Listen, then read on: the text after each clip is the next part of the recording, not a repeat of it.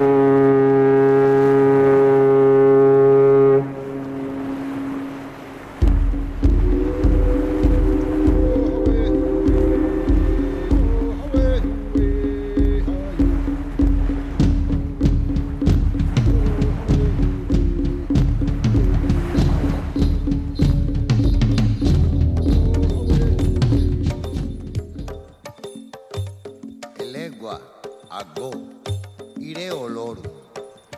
¿Qué tal estamos? Bienvenidos a Levando Anclas. Nos localizáis a través de la sintonía de Radio Euskadi.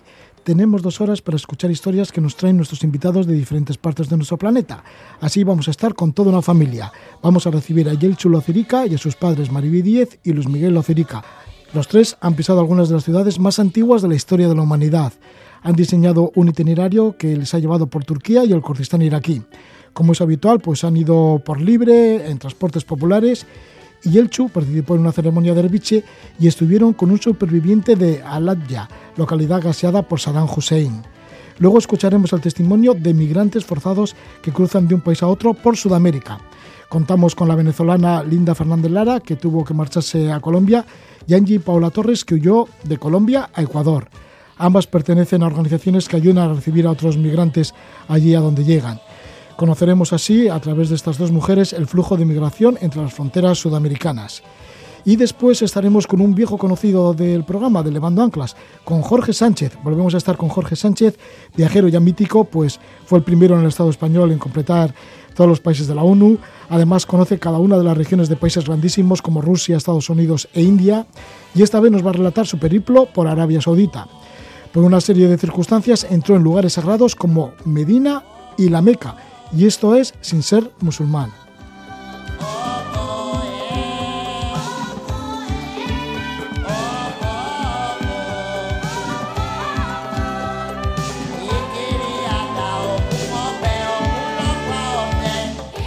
Para terminar levando anclas nos vamos a comunicar con Salzburgo. Desde los Alpes austriacos nos habla Nathalie Hala. Ha dirigido la película documental de Samas Nismer, La pesadilla de los chamanes. Para el rodaje pues acudió a cuatro puntos distantes del planeta, estuvo con los guaraní en la selva de Ecuador, con los Jimba en Namibia, con los pastores de renos en Mongolia y bueno, y con más gente de esto nos hablará Natalia Jala al final de Levando Anclas. Ahora mismito ya ponemos rumbo hacia Turquía y el Kurdistán iraquí.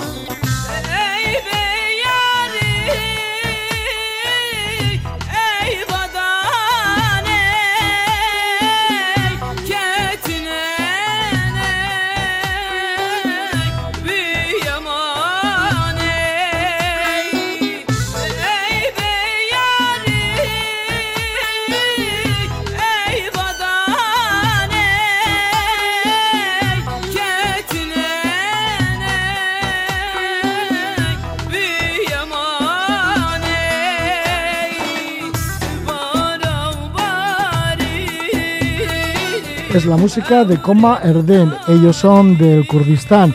Y es que nos vamos a acercar al Kurdistán tanto por la parte turca como por la iraquí. Vamos a hacer un viaje por Turquía hacia Irak y lo vamos a hacer a través de una familia que ya ha estado en varias ocasiones aquí en Levando Anclas. Tienen la gentileza de volver y ellos son el Chulo Cirica, que viene con sus padres, Luis Miguel Ocirica y Mariví Díez. Son de Luchana, de Baracaldo, viajan juntos a destinos fuera de lo habitual, además con itinerarios que ellos mismos trazan lo hacen por libre, muchas veces en transportes populares. En anteriores programas de Levando Anclas nos han hablado de sus aventuras por Namibia, Botswana, Zimbabue, también por países del Asia Central, Tanzania y ahora pues vamos a hablar de este recorrido por Turquía llegando hasta el Kurdistán iraquí, frontera con Irán. Han visitado ciudades antiquísimas, han bailado con derviches y han estado en monasterios de la primera cristiandad. Así como de la religión yasedí. De esto vamos a hablar con Yelchu Locirica. Le damos la bienvenida. Gabón Yelchu. Buenas noches, Roge.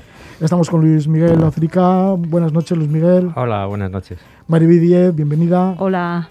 Bueno, pues gracias una vez más por estar toda la familia aquí en Levando Anclas. Y esta vez, ¿por qué habéis elegido Turquía y el Kurdistán iraquí?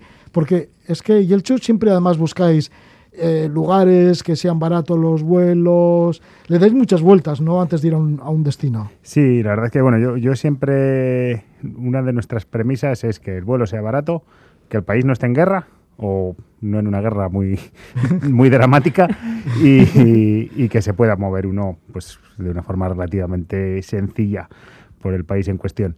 Y bueno, en esta ocasión encontré unos vuelos por, no sé si 120 euros a Turquía o algo así y como para sacarlos en plan de dos semanas después, casi casi.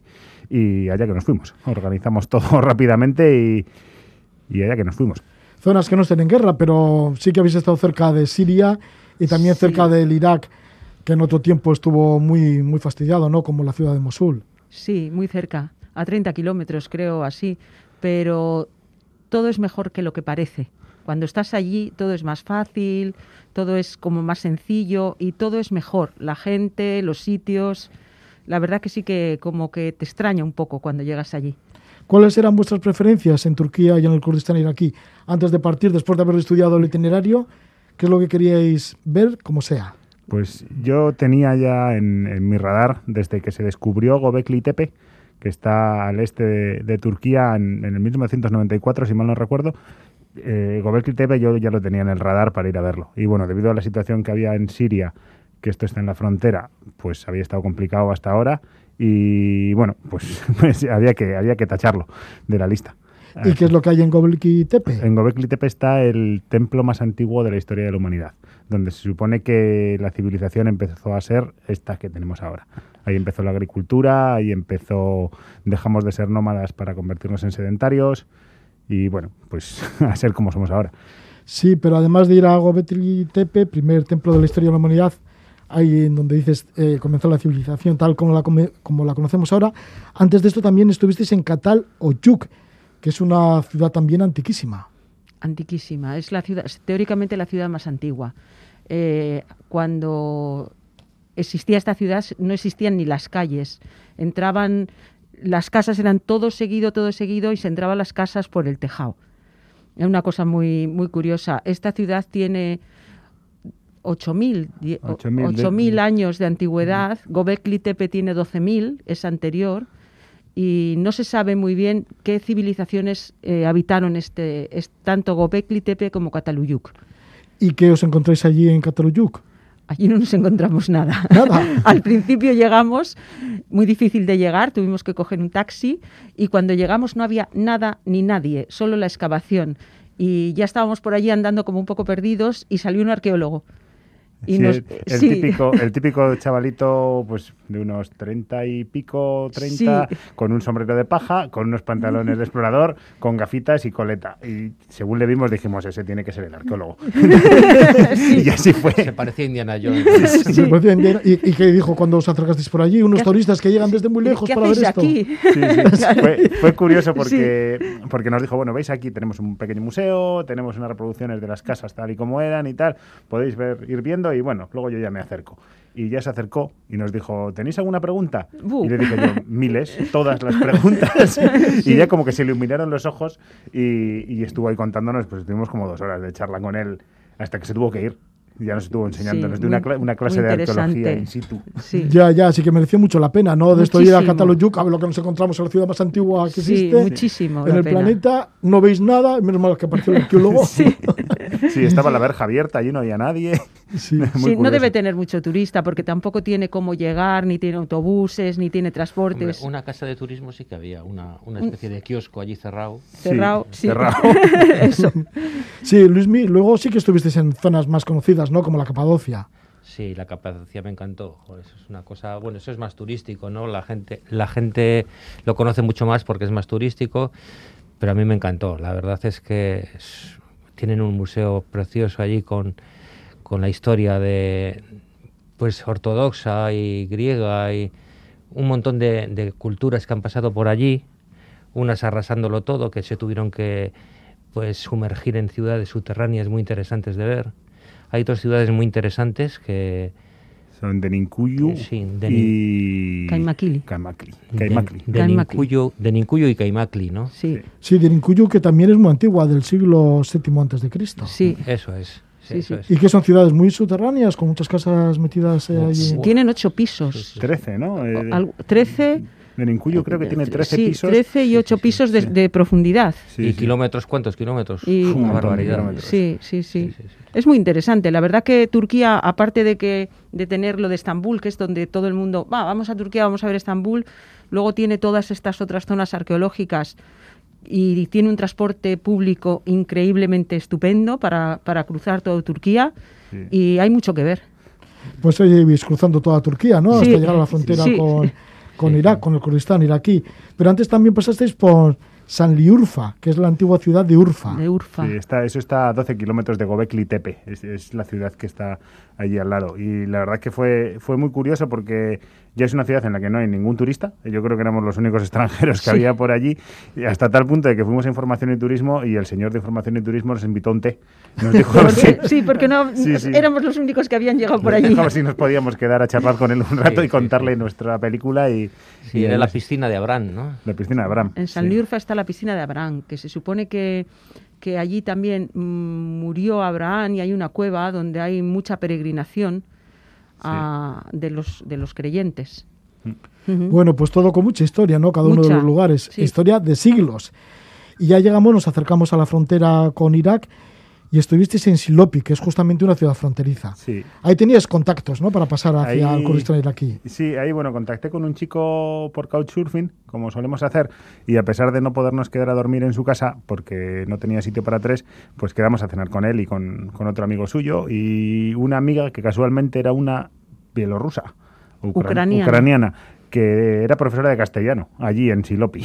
Y bueno, pues ahí estuvimos cenando con ellos y resultó que, bueno, los dos trabajaban en la frontera y nos dijeron, oye, si vais a cruzar, igual podemos eh, echaros un cable o por lo menos avisar de que vais y que nuestros compañeros estén allí avisados. Y así fue. Llegamos a la frontera por la mañana y allí nos estaban esperando para... Bueno, la, la frontera hay que pasarla en coche en transporte rodado, no se puede pasar andando y allí nos buscaron ellos un transporte para pasar por la tierra de nadie hasta la parte iraquí, nos acompañaron en todo el proceso. La verdad es que fue, fue bastante curioso.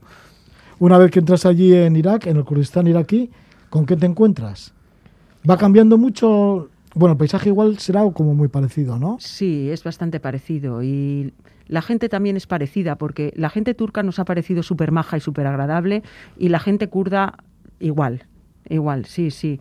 Y bueno, Y al otro lado de la frontera también al- están los kurdos. al, otro, eh, al final todos son kurdos. Y ellos, ellos dicen nosotros somos kurdos, no somos turcos. Entonces son una gente muy parecida a, a un lado de la frontera y al otro. Ya qué fuerte personalidad tiene el pueblo kurdo, Sí, ¿verdad? sí, sí, Sí, sí. sí, Lo sí, llevan se muy sienten metido, ¿eh? muy orgullosos de ser kurdos, sí. sí, sí, sí, sí. A pesar de que fíjate que Eh, han estado machacados y siguen machacados porque eh, Turquía les sigue machacando a los kurdos. sí, Turquía Sí. y bueno, y luego también está en la zona siria, La- que sí, también están sí, están en machacados, toda esa zona. en la El zona de. Irán, y Irak. Sí. El ISIS machacando por otro lado también. Y a, Sí, y a sí. pesar de todo esto, son una gente abierta, amable, todo les parece poco para ofrecerte. Son, la Y- verdad que nos ha llamado mucho la honra- atención. honradísimos, Y ¿no? honradísimos, porque lo que hemos visto en, en el Kurdistán no lo hemos visto en ningún sitio del mundo. Luis, ¿a qué te refieres? Como, Pues hay una anécdota que... como honestos y... Sí, hay una anécdota que a nosotros nos llamó muchísimo la atención. Bueno, hay dos anécdotas fundamentales que nos llamó la atención. Las tiendas no tienen puertas. Las tiendas no tienen puertas. Tienen, por la noche ponen un toldo por encima, que casi es una cortina, y se marchan hasta la mañana siguiente. Y otra anécdota es que si quieres cambiar dinero lo tienes muy fácil. El banco está en la calle. O sea, tienes una mesa con un señor o un joven que te cambia el dinero y, y se va a tomar un té y deja los pilas de dinero en la mesa y se marcha. Sí, nos pasó. O sea, Literalmente, Sí. literalmente fardos de billetes, pues, pues no sé cuántos millones habría allí, pero, pero fardos de enormes. De, bloques, bloques Sí, sí. grandes. claro, claro, claro. Pero bueno, ¿nos lo roban o qué? Dice, dice, no, no, No. aquí, aquí no se roba. Dice, no conciben el robo. Ya, así Increíble. Que, sí que son honrados. Sí, increíble. Y luego cuando crucéis la frontera del Kurdistán turco al Kurdistán iraquí, ¿Cambian los transportes? Porque habéis cruzado No. toda Turquía en Y transportes tanto que Y públicos. tanto que cambian, como No que no hay hay. autobuses. ya. O sea que no hay. No hay autobuses. No, en el Kurdistán no hay transporte. ¿Y entonces cómo se mueven? En coche. En coche. ¿En taxis o...? En ta- sí, Sí. en taxi, en coche. Hay millones y millones de coches por la carretera. Y no porque- veas qué coches, ¿eh? Vamos. Sí. Sí, sí, les gustan mucho los, los todoterrenos grandes y los subs estos modernos y, y hay unos cochazos que alucinas en, en- en Irak, que es una- uno de los mitos, al final este viaje ha sido mucho de derribar mitos a lo largo de todo el camino y uno de ellos ha sido ese, que te imaginas Irak, un país pobre, machacado por la guerra y tal. Bueno, están machacados, un poco machacados por lo que han tenido, pero, pero de pobres nada, es un país con mucho petróleo y la gente... que- Maneja. la gente que maneja, maneja, Maneja. maneja mucho. Ya, pero Mariví, entonces llegas a la frontera, entras en Irak ¿y qué pasa? ¿Que no hay transportes públicos? Ah, Uh, pues en la, ¿Qué en la frontera cogimos un autobús con la idea de que el autobús nos iba a llevar hasta la ciudad donde íbamos. Que era Erbil, me parece. Erbil, que es la capital. Y bueno, nosotros como no entendíamos nada, nos montamos, hicimos el amago de que pagamos todo el billete y en una gasolinera se para el autobús, todo el mundo se baja, nosotros nos quedamos allí porque no sabíamos lo que había que hacer. Ya bajamos, hablamos con el señor del autobús que queremos ir a Erbil. Dice, no, pero en autobús no. Digo, ¿cómo? Si ya lo hemos pagado. No, no, autobús no, autobús no. Y él se encargó de buscarnos un taxi, pagar al taxi, para que ese taxi con otro transbordo en otra ciudad nos llevara hasta Erbil. Vamos, así como un poco caótico, pero al final perfecto. Sí, ya os fuisteis enterando un poco cómo Sí, funcionan sí, sí, entonces sí, allí. Sí, Sí, y una vez que llegas de Erbil, pues que habéis dicho que la capital, que Pues- es así como hay mucha gente. Sí, la verdad es que Bueno, es- también es una ciudad antigua. Es una ciudad muy antigua, tiene la ciudadela, la ciudadela de Erbil es el lugar habitado durante más tiempo en la historia de la humanidad. Lleva 6.000 años, me parece, ininterrumpidamente con gente viviendo ahí. Con lo cual han pasado por ahí, pues, pues todos. Han pasado los griegos, los romanos, los otomanos, los turcos, los mongoles, los unos, todo el mundo, todas las civilizaciones. Y claro, es, es curioso porque al final... este- está De hecho, ahora tenían el problema de cómo la tienen que restaurar, entonces la han vaciado. Y claro, para no vaciarla del todo, porque si no se rompía esa, esa estadística, han dejado una familia dentro para Para- poderla restaurar para y que- no vaciarla. Entonces, para que siga estando habitada. Para que siga estando Sí. habitada a través de los siglos y los siglos, sí, ¿no? sí, eso es. Sí, y además tiene un bazar. Mm, Sí, sí, el- tiene un bazar espectacular, Er- Erbil, enorme, inmenso. Es ca- casi toda la ciudad es Sí, un bazar. sí, realmente Prácticamente tiene- toda la ciudad. como el bazar antiguo que está en un edificio, el típico edificio de bazar de, pues, de países de, de Oriente, y luego todo alrededor del bazar también es un bazar, pero son ca- kilómetros y kilómetros de calles de bazar. Es una, es una Sí, cosa no sé quién, espectacular. quién puede comprar tanto en tantas tiendas. ¿Y Erbil ha sido vuestra ciudad base para luego Sí. moveros por allí, por el Kurdistán iraquí? Sí, Sí. sí.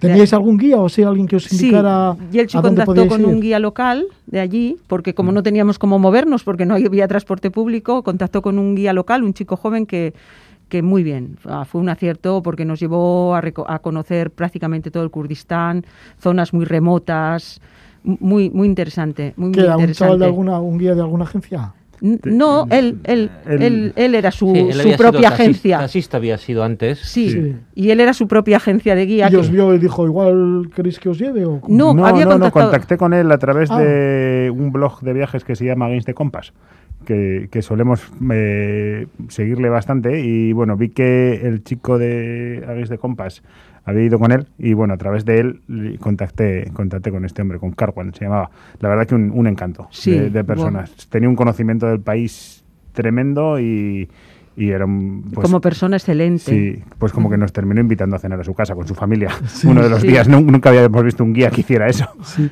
Bueno, el caso es que fuisteis a Acre, ¿no? Y allí fuisteis a una ceremonia de derviche. Sí. Os llevó el guía a la ceremonia de Sí, derviche. esa fue buena. Sí, porque baila- ba- bailaste con los derviches. Sí, sí, sí. Bueno, resulta que todo empezó cuando, bueno, pues es, está separado, hombres y mujeres, y mi ama tuvo que ir donde las mujeres, y resulta que las mujeres la echaron. No me admitieron. ¿Pero por qué? Pues no lo sé, yo llegué allí, me vieron, me, cer- me- me cerraron la puerta en las narices y cerraron con llave. ¿Ah, sí? Sí, y cuando yo me volví donde estaban los hombres, digo que no, que no me han admitido, me dice, estaban todos como Consternados. consternados, porque dice que ese santuario eh, se caracteriza porque admiten a cualquier persona del mundo que llegue allí. Es un lugar de encuentro Es un- para, como un lugar de encuentro. culturas y, Los- y- y todo el mundo. Y no, este no sabemos qué les pasó a las mujeres. Y el caso es que me echaron, encima de que me habían disfrazado con el trapo negro, tapándome entera, para poder entrar allí. Y entonces se sintieron tan consternados porque no me habían admitido las mujeres que el jefe de, de aquello dijo, bueno, no pasa nada, tú te vienes con nosotros y, al final comí con ellos, con los hombres. En la zona de hombres, la eh, primera vez que entraba una mujer en, en la, zona, de hombres. bueno, como, bastante como bastante cerrados estábamos allí en aquella zona, pero bueno, muy interesante, sí. Y luego, claro, pues eh, yo veía al guía que estaba hablando con este hombre y me miraban y se reían. Y, yo digo, de que, a ver, ¿qué os pasa a vosotros? ¿De qué os reís? Y pues que tienes el pelo largo y aquí, bueno, como los derviches tienen el pelo largo, pues pareces un derviche y, y tendrías que bailar con nosotros. Y, digo, bueno, pues ¿qué vamos a hacer? Nos han invitado aquí a comer, han dejado pasar aquí a mi ama esto, pues, pues no voy a... Habrá que hacer lo que manden. Así que nada, allí se pusieron a bailar y allí me junté con ellos. Al final hacen como un headbanging que se hacen los conciertos de heavy metal y lo que pasa es que están dos horas allí dándole a la cabeza. Sí, esto de los, de los conciertos de heavy metal, que ya te he visto en alguno de ellos, ya hemos estado juntos en alguno de ellos, el de Bisbon Haas, por ejemplo, bueno, que es más bien rock duro y eso. El caso es que, que es eh, mover la cabeza. Mover la cabeza arriba y abajo. Y bailar. Con las melenas. con las melenas al aire y bueno, y también bailan y van dando vueltas. Entran como en una especie de trance, en el que yo, por supuesto, no entré. sí, porque se tirarán horas y horas. Pues dos horas y pico estuvieron allí. Yo al final, bueno, estuve un rato con ellos y como eso no tenía vistas de terminar en ningún momento, ya me fui y me senté.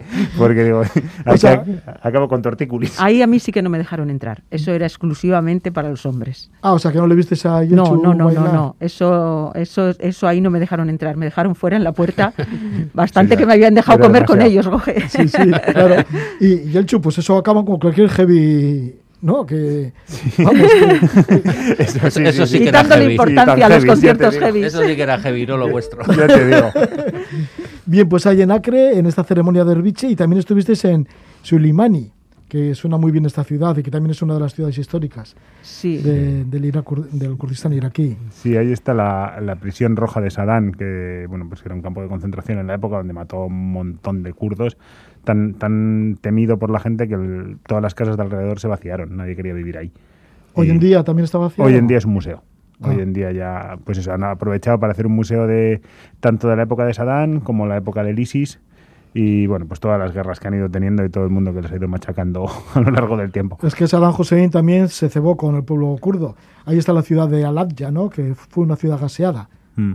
También estuvisteis allí, en Alabya. Sí, sí, sí, allí estuvimos después de Soleimani, nos fuimos a Alabya y bueno, estuvimos allí con, con, uno de los supervivientes de la masacre. Allí Saddam gaseó a la población con VX, sarín y perita y todos los gases mortales que, que, tenía a mano y mató a más de 5.000 civiles en, en, unos minutos. Sí, de hecho al principio no, no sabían lo que había pasado. Cuando entraron en la ciudad vieron todos los muertos por la calle, no sabían qué había pasado porque las casas estaban intactas, entonces no pensaban en un bombardeo hasta que ya llegaron unas especialistas de la ONU, creo, y, y hicieron, miraron a los, a los que estaban allí y vieron que estaban gaseados. Entonces ya al principio Saddam dijo que él no había sido, que tal, pero se demostró luego que había sido él.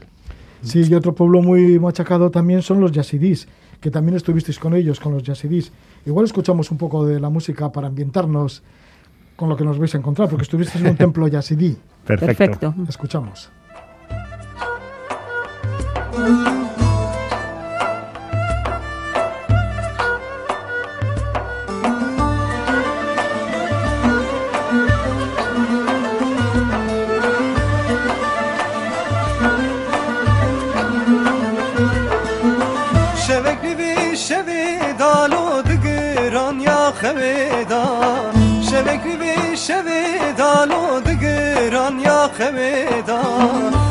دست خو بده دست من لی درونیا هیویدا دست خو بده دست من لی درونیا هیویدا لو برده لو برده لو دست من برده evini kul derde lo la dest men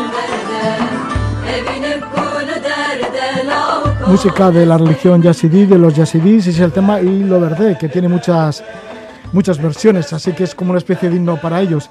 ¿Y qué os encontrasteis con los yazidís? ¿Cómo llegasteis a estar con ellos? Porque fue en la ciudad de Lalis, o en la zona de Lalis. Sí, sí, es una ciudad que está, bueno, ahí cerca de Mosul, que bueno, fue el frente de la guerra contra el ISIS cuando aquello, y para ellos es como la ciudad sagrada, igual que el Vaticano para los cristianos, por ejemplo. Y bueno, pues allí llegamos al templo, que es un sitio la mar de curioso porque no te dejan pisar con zapatos ni el parking. En, según aparcas el coche, del coche te tienes que bajar descalzo, ya directamente. Y bueno, pues tienen muchas creencias que, pues eso, como la- desde casi todas las religiones resultan un poco extrañas. Pues por ejemplo, se creen que el, su dios es un pavo real que bajó del cielo.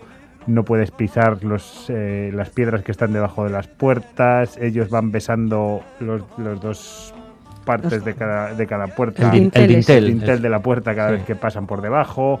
Luego tienen una zona en la que solo pueden entrar hombres y mujeres separados, excepto si son marido y mujer, me parece, o algo así. Si son hermanos tienen que entrar separados, si son marido y mujer pueden entrar juntos. No sé, esas típicas. Bueno, todas las religiones tienen cosas, cada Sí. religión tiene lo suyo, ¿no? Sí, Estos yazidís es que cuando el ISIS estuvieron muy, muy machacados. Entonces el ISIS entró en la mayoría de la zona kurda y a todos los que eran de la, de la religión yazidí, a los hombres les mataron por miles, en algunos pueblos llegaron a matar a 8.000 y a las mujeres se las llevaban de esclavas. Que les acusaban de ser adoradores del diablo. Sí, entonces no tenían ningún derecho. Entonces las mujeres las, las, las cambiaban, las vendían, las intercambiaban, las regalaban entre, entre el ISIS, entre los miembros del ISIS. Y una de, las, de estas mujeres que estuvo secuestrada, que logró escapar, es Nadia Murad, que es una premio Nobel, Premio Nobel. que luchó al escapar luchó para que se conociera este genocidio yazidí y para pelear por las mujeres que estaban aún en, en poder del ISIS.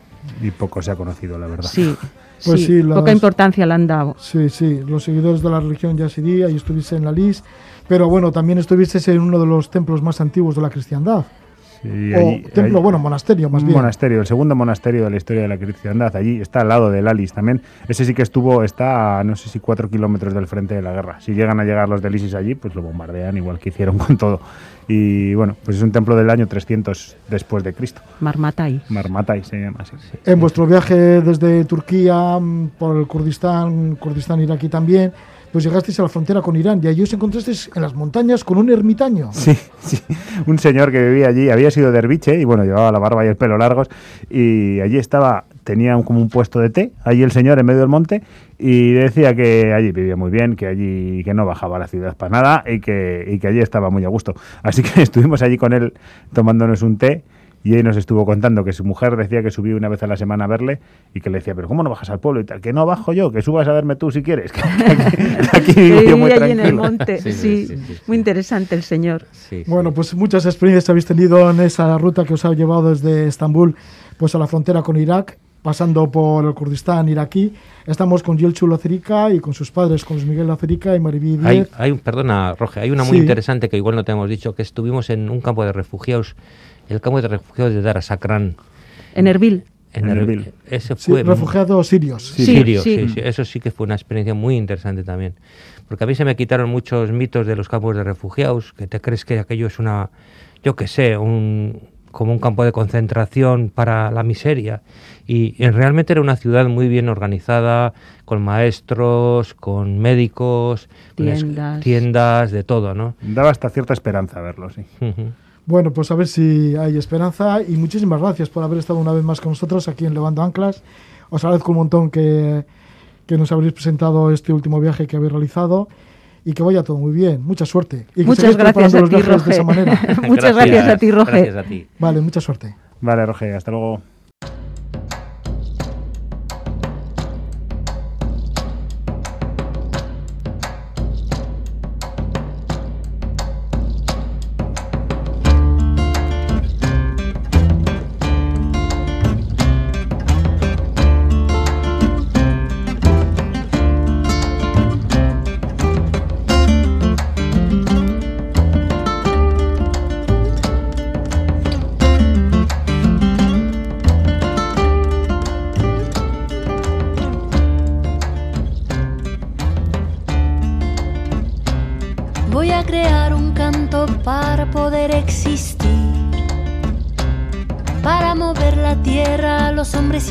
vivir.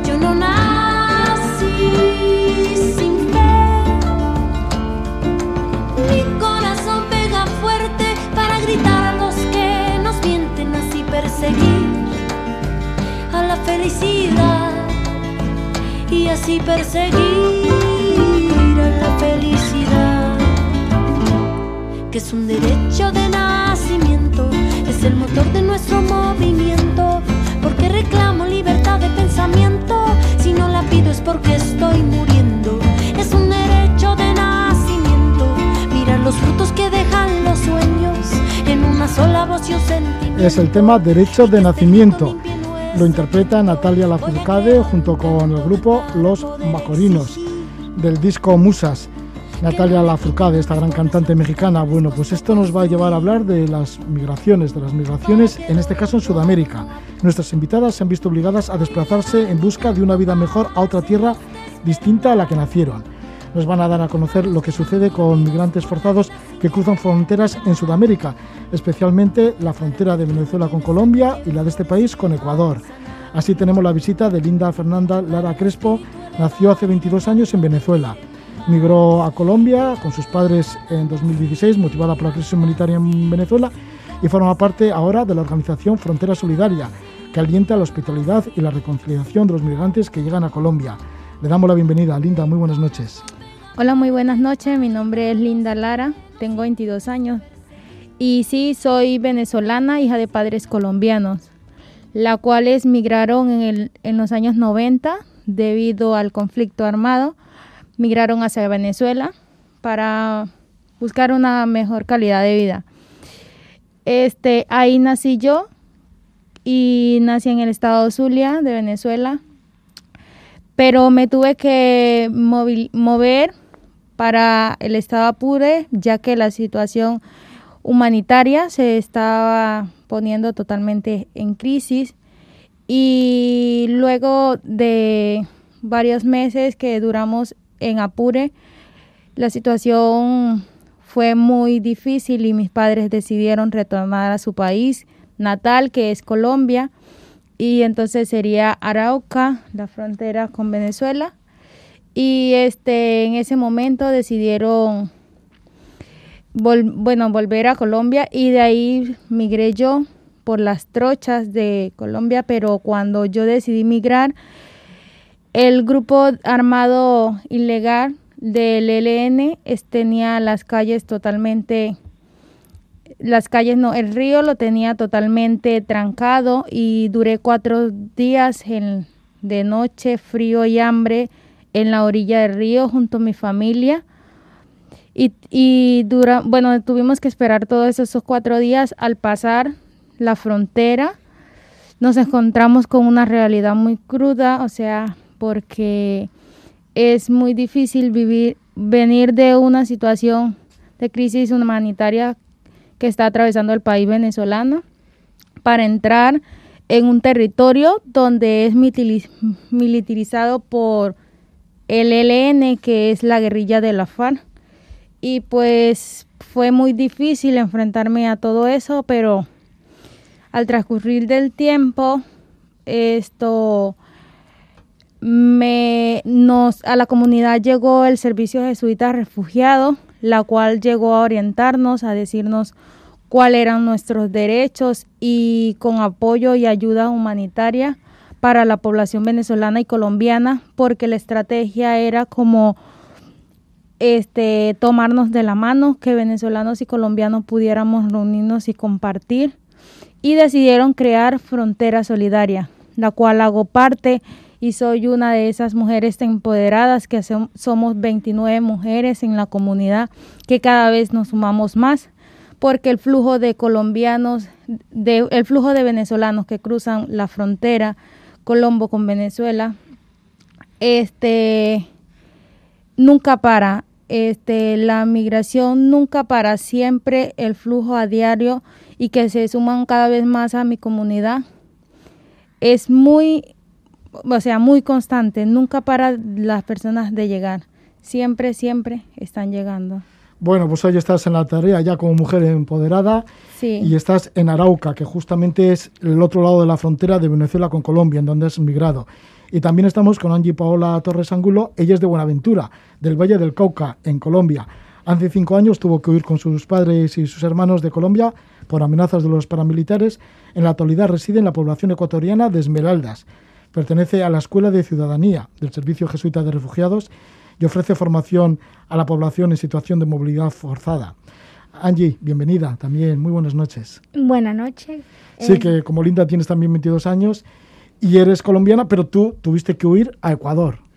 Sí, exacto. Eh, como Linda acaba de contar, bueno, en mi caso es un contexto un poco diferente porque, bueno, está la crisis humanitaria en Venezuela, pero también en, Colombia está esto de las bandas armadas y el, el ELN, que también son grupos que se le ha salido de la mano al Estado. Entonces, en este caso, ese fue el motivo por el que mi familia y yo salimos, por perseverar nuestras vidas. Eh, también salí ah, en el 2016, justamente coincidimos, no sabía que coincidíamos con Linda en esa fecha, ella llegaba y yo salía. Eh, entonces coincidimos en esas fechas y yo llegué a Ecuador, eh, específicamente en Esmeraldas, y ahí me refugié junto con mi familia, personas migrantes sin acceso a derechos, con vulneraciones en cuanto a trabajo, educación, desempleo y eh, aparte aumentándole los espacios xenófobos de las personas. ¿Cómo os habéis convertido de migrantes mm, que llegan a, un país desconocido a luego en ese país ayudar a otros migrantes? Gracias a estas escuelas de ciudadanía, justamente luego de pasar por un proceso arduo de formación y de interculturalidad, porque aprendimos también inter- eh, intercambiando estas experiencias y, y vivencias con personas natales del país de acogida.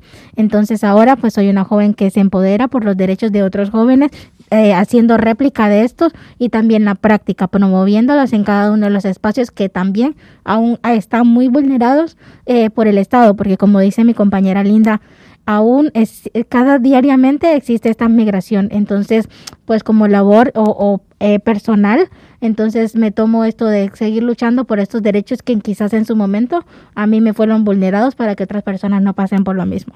Angie, como decíamos, provienes de Buenaventura, en la costa del Pacífico, que bueno, que es el mayor puerto de Colombia, en el Pacífico. Y luego, bueno, tuvisteis que huir por lo que hemos dicho, ¿no? Por el conflicto que hay en Colombia. Y fuisteis a Tumaco, para empezar, ¿no? Que no está muy lejos tampoco. Bueno, a, a bastantes horas de, de Buenaventura, pero bueno, que está, sigue siendo Colombia, sigue siendo el Pacífico, también es una bahía. Pero ¿qué pasó en Tumaco? Para que luego tuvisteis que ir ya a otro país, a Ecuador. En, en Colombia, Buenaventura fue por confusiones. eh, y en Tumaco, eh, por confusiones, me refiero a que personas eh, equivocadas en el lugar equivocado, eh, presenciar eh, en ambos lugares estos eh, asesinatos y espacios eh, bastante fuertes, ¿no? Eh, promocionados por este tipo de bandas y grupos armados de, de que se le han salido de la mano al Estado. En Tumaco también eh, hubo un suceso casi demasiado similar. Entonces esto fue lo que nos llevó a mi familia y a mí a salir de este de estos dos lugares. ¿Qué pasa? ¿Que tu familia fue testimonio de algún asesinato? Exacto. Entonces como éramos testigos o más bien mi hermano en este caso era testigo, entonces eh, por la vida de él y todos empezamos a sufrir de estas amen- amenazas y salimos eh, huyendo por, por nuestras vidas pues así de repente. Sí, tuviste que ir de Colombia y luego cuando se llega a Ecuador, ¿qué pasa? ¿Qué sucede en la frontera?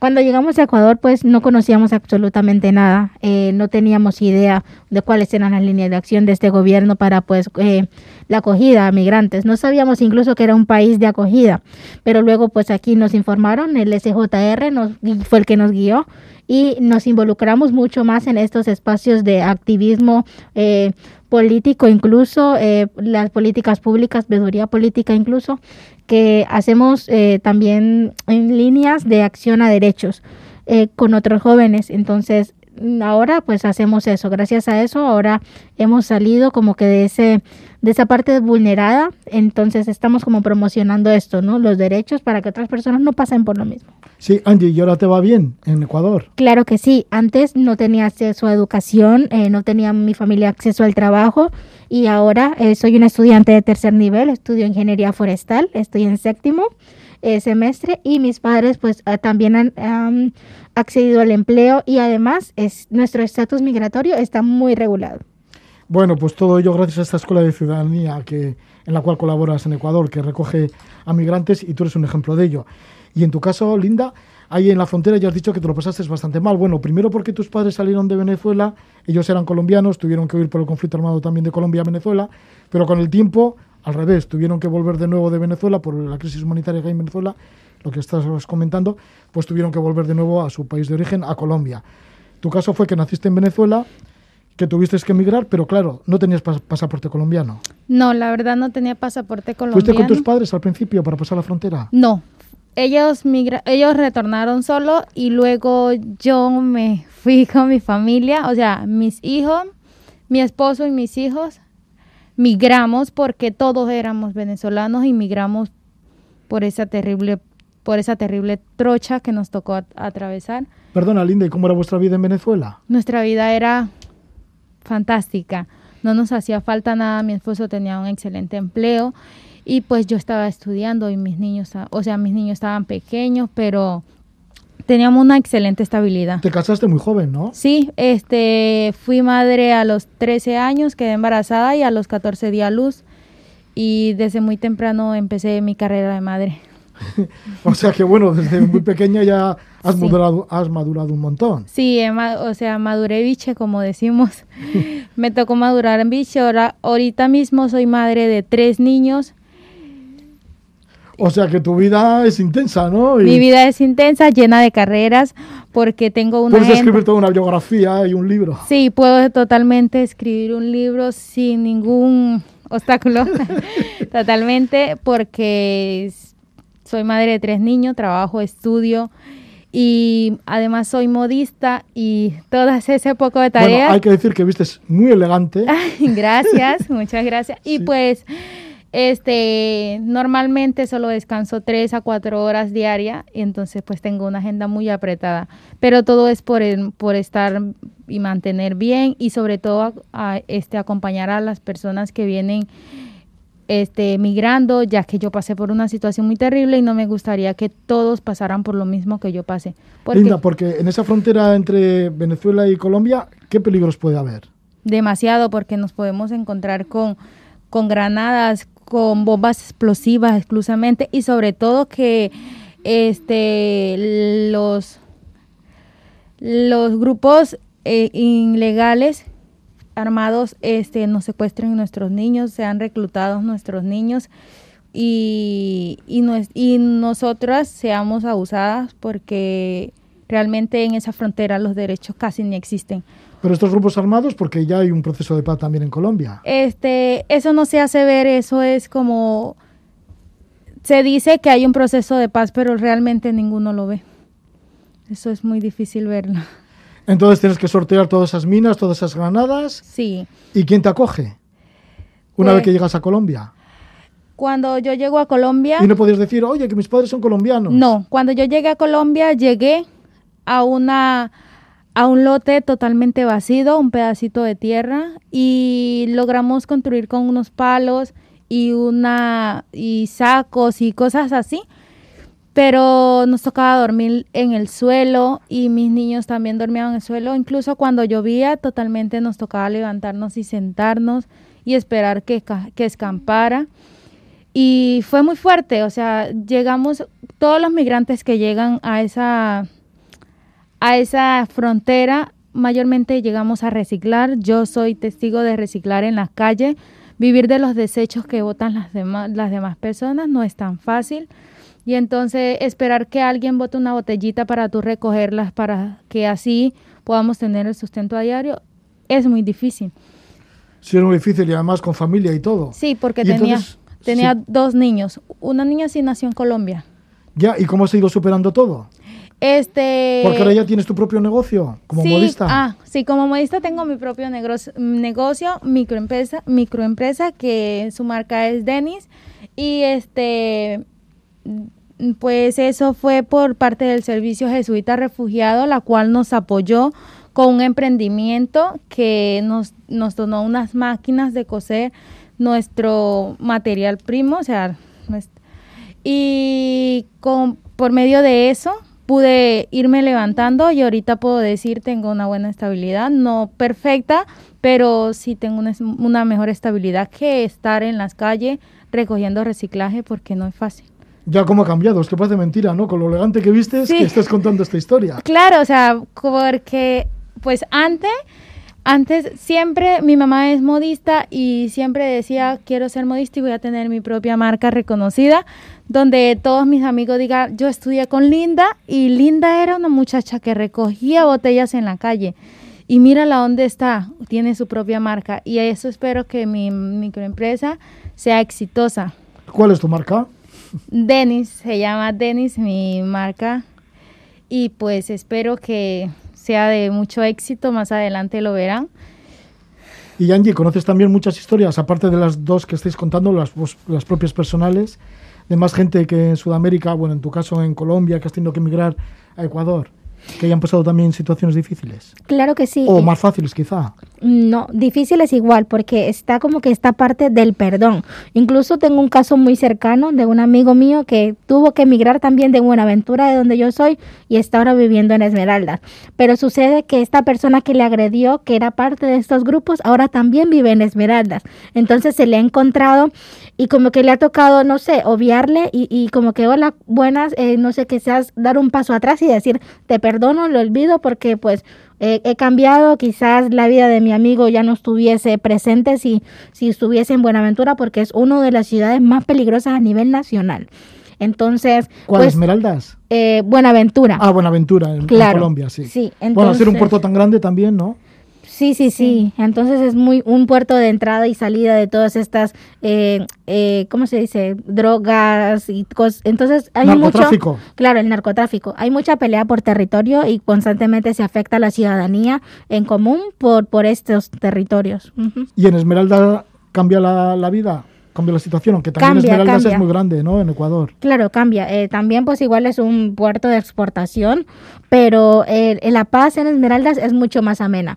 Aunque incluso no nos podemos eh, quizás evitar encontrar con estos casos en que nos encontramos a nuestro agresor, pero igual, eh, de igual forma como que hacemos ese cambio de, ok, te perdono, lo olvidamos porque estamos en otra situación, en otro país y doy un paso atrás y hacemos la paz.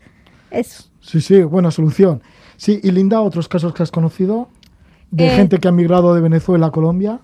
Pues la verdad, tengo un espejo muy grande que son mis hermanos y muchos amigos que, migra- que emigraron después que nosotros migramos. Este, mis amigos le dicen a mi casa, casa hogar, porque cuando ellos este, migraron hacia acá, yo les di alojamiento en mi casa, obviamente no los tenía como, como quizás se lo merecen, pero sí le di alojamiento y pues antes de que ellos supieran de que yo estaba en Colombia, ellos se la vieron muy duro, durmieron muchísimas veces en la calle, les tocó mil, o sea, como unas cinco o seis semanas comer de los desechos de las demás personas, de comer de comida de restaurantes que botaban en la basura. Ellos pasaron por todas esas calamidades, fue muy terrible. Y, re- y un día cualquiera salgo a la calle con el JRS a, a repartir unos tanques y unos filtros a las comunidades porque en Arauca no hay no hay agua potable, sino es agua de la tubería y no, viene potable. Entonces el JRS estaba entregando unos filtros y precisamente ellos se acercan a decirles que si le podían colaborar con algo y yo los miro y digo, ustedes son mis amigos, o sea, ¿por qué están tan delgados? ¿Por qué están tan demacrados y me contaron toda la historia. La verdad no pude contener mis lágrimas, fue totalmente triste. Y por eso digo, debemos luchar y, y mantener siempre nuestra solidaridad por las demás personas, porque no todas las personas, nadie se merece pasar por lo que mis amigos y yo hemos pasado. Y pues la solidaridad es el comienzo y el aprendizaje de muchas cosas. El aprendizaje y bueno, y que os ha llevado a cambiar de vida completamente. Sí, claro. Bueno, en tu caso, Linda, como modista y ahora con tu propia marca, Denis, es verdad. Sí, Denis. ¿Se puede encontrar por internet? Sí, se puede encontrar por internet. Ah, qué bien. Sí. ¿Y cómo se, cómo se escribe Denis? Así, Denis, D-E-N-I, como suena, ese. Ah. Denis, como suena. Muy bien. como suena. Bueno, pues sí, han cambiado la vida de Linda, que tuvo que mm, irse de su país, de Venezuela a Colombia, y ahora vive en Arauca y en la frontera entre Colombia y Venezuela. Y también ha, acabado la, ha cambiado la vida de Angie Paola Torres Angulo, que está con nosotros, que fue desde Buenaventura, en Colombia, en el Pacífico, hasta Esmeraldas, en Ecuador, que también está en el Pacífico, dos grandes ciudades. Y Angie, pues ahora está también colaborando en Escuela de Ciudadanía, Linda en Frontera Solidaria. Ambas pertenecen al Servicio Jesuita de Refugiados y estáis en la tarea como migrantes de ayudar a otros migrantes que llegan a estos países. Y en el caso de Angie, pues también todo un éxito porque estás estudiando Ingeniería Industrial, así que todo muy bien. Bueno, pues os agradecemos por vuestro testimonio y que vaya todo bien. Bueno, hay que decir que os encontráis aquí en Euskadi invitadas por la ONG Alboan. Gracias, Angie, por la visita. Gracias. Y muchísimas gracias, Linda, también por estar por aquí. Gracias por atendernos también. Nunca sé cómo se parte una canción. Linda y Angie ofreciéndonos una lección de vida. Escuchamos ahora la música de Yorca. Son un dúo chileno formado por las hermanas Yorca y Daniela Pastedes. Han publicado hasta ahora tres discos y este es el tema, la canción es protesta. Dentro de un rato volvemos de nuevo aquí en Levando Anclas y escucharemos una entrevista con Jorge Sánchez y nos comentará cómo llegó hasta la Meca en Arabia Saudita. Y Natalie Jala nos habla de su relación con varios chamanes en diferentes partes del mundo. Escuchamos a Yorca y este tema, la canción es protesta. Un millón protesta manifestación. Y a la olla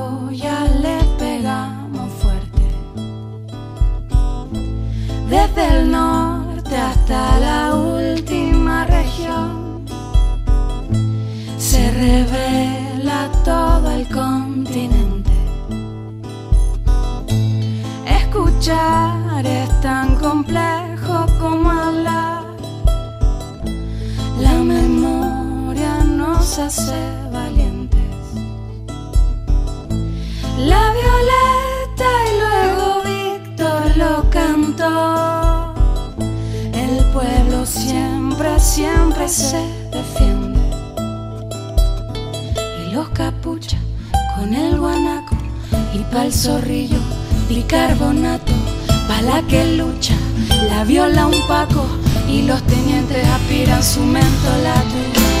Yo no canto por cantar.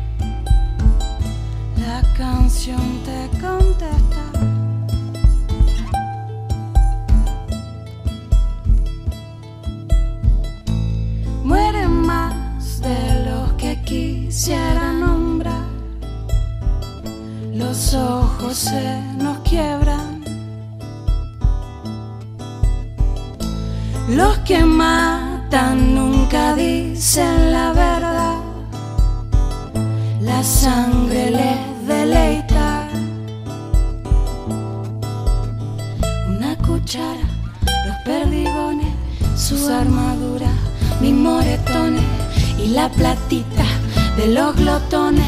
Nunca aparece en las poblaciones. Yo no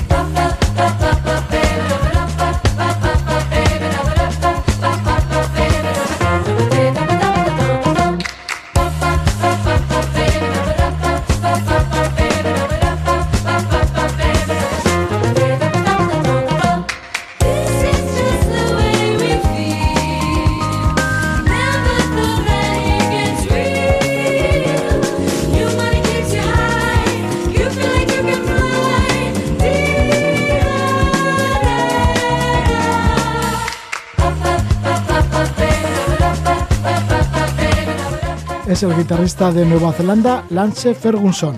Entramos en la segunda hora del Levando Anclas. Aquí nos escucháis en la sintonía de Radio Euskadi y a partir de este momento tenemos el reencuentro con Jorge Sánchez, nuestro gran viajero, buen amigo del programa de Levando Anclas. Le hacemos entrevistas desde hace muchísimos años y esta vez nos habla de Arabia Saudita y de cómo pudo entrar a lugares sagrados, el Medina y la Meca, sin ser musulmán. También tenemos una conexión con Salzburgo, en los Alpes austriacos. Desde allí, Natalia Jala, ella es directora de películas documental, pues nos habla de uno de ellos, de Saman Ismoer, la pesadilla de los chamanes. Y para ello estuvo con cuatro pueblos nómadas. Estuvo con los pastores de renos en Mongolia, con los guaraní en la selva de Ecuador, con los Jimba en Namibia y con los pastores de reno en Mongolia. Ya tenemos esa conexión con Jorge Sánchez. زفي جبنا لا جبنا لا جبنا لا أجمل سهرة عملنا لا عملنا لا عملنا لا يلبق لا والله بيلبق لا عروستنا بتسوى تقلى. كل الحالة جمالا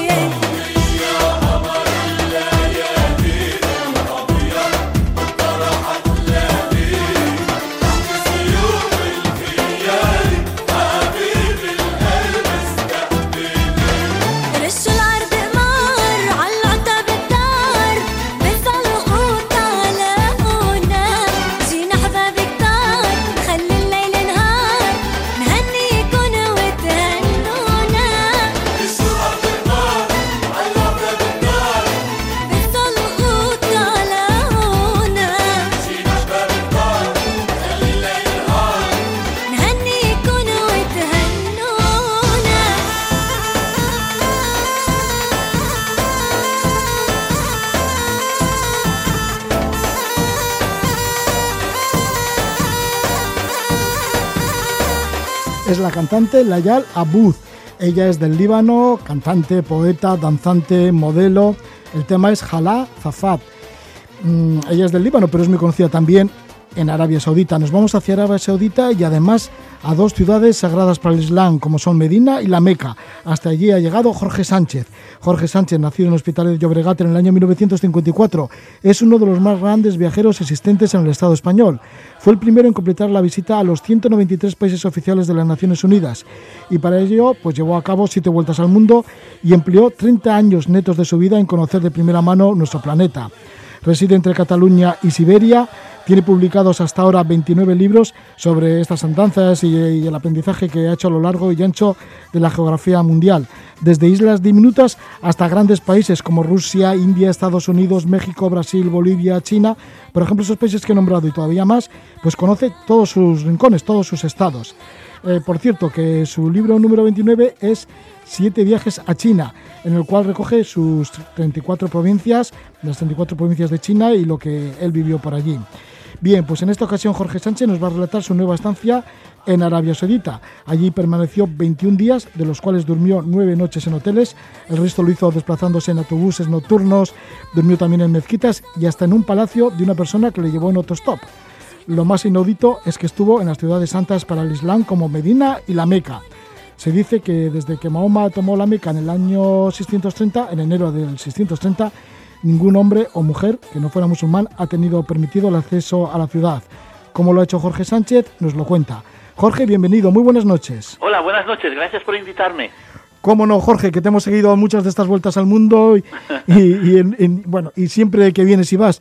Y esta vez, bueno, pues volviste de nuevo a visitar a tu familia, bueno, a visitar y a vivir con tu familia en Siberia, por fin, que por fin lo conseguiste.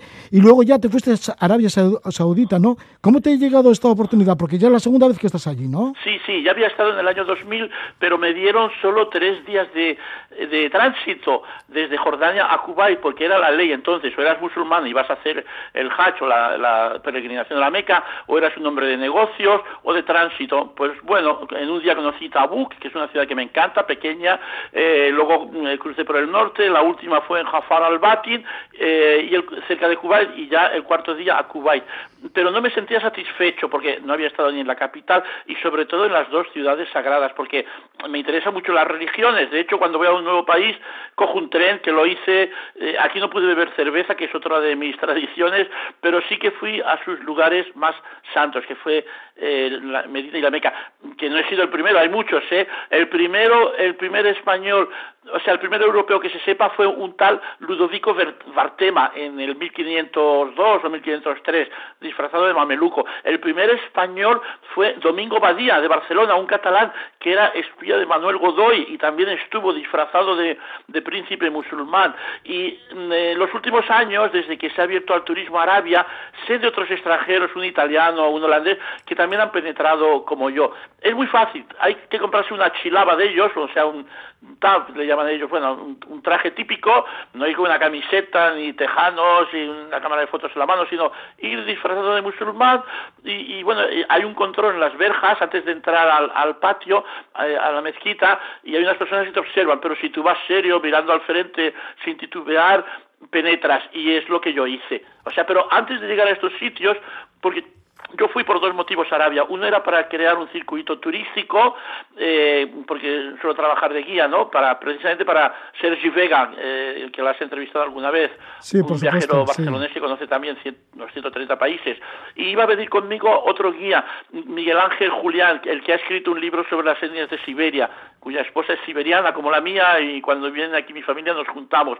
Pero él compró su billete vía Arabia y vía pero Arabia vía eh, Egipto y yo vía Amán en Jordania y justo el día que volábamos dio la orden el gobierno de Arabia de no permitir la llegada de los aviones de cualquier eh, aeropuerto africano por el Omicron, la nueva variante, con lo cual le denegaron la tarjeta de embarque y me tuve que ir yo solo.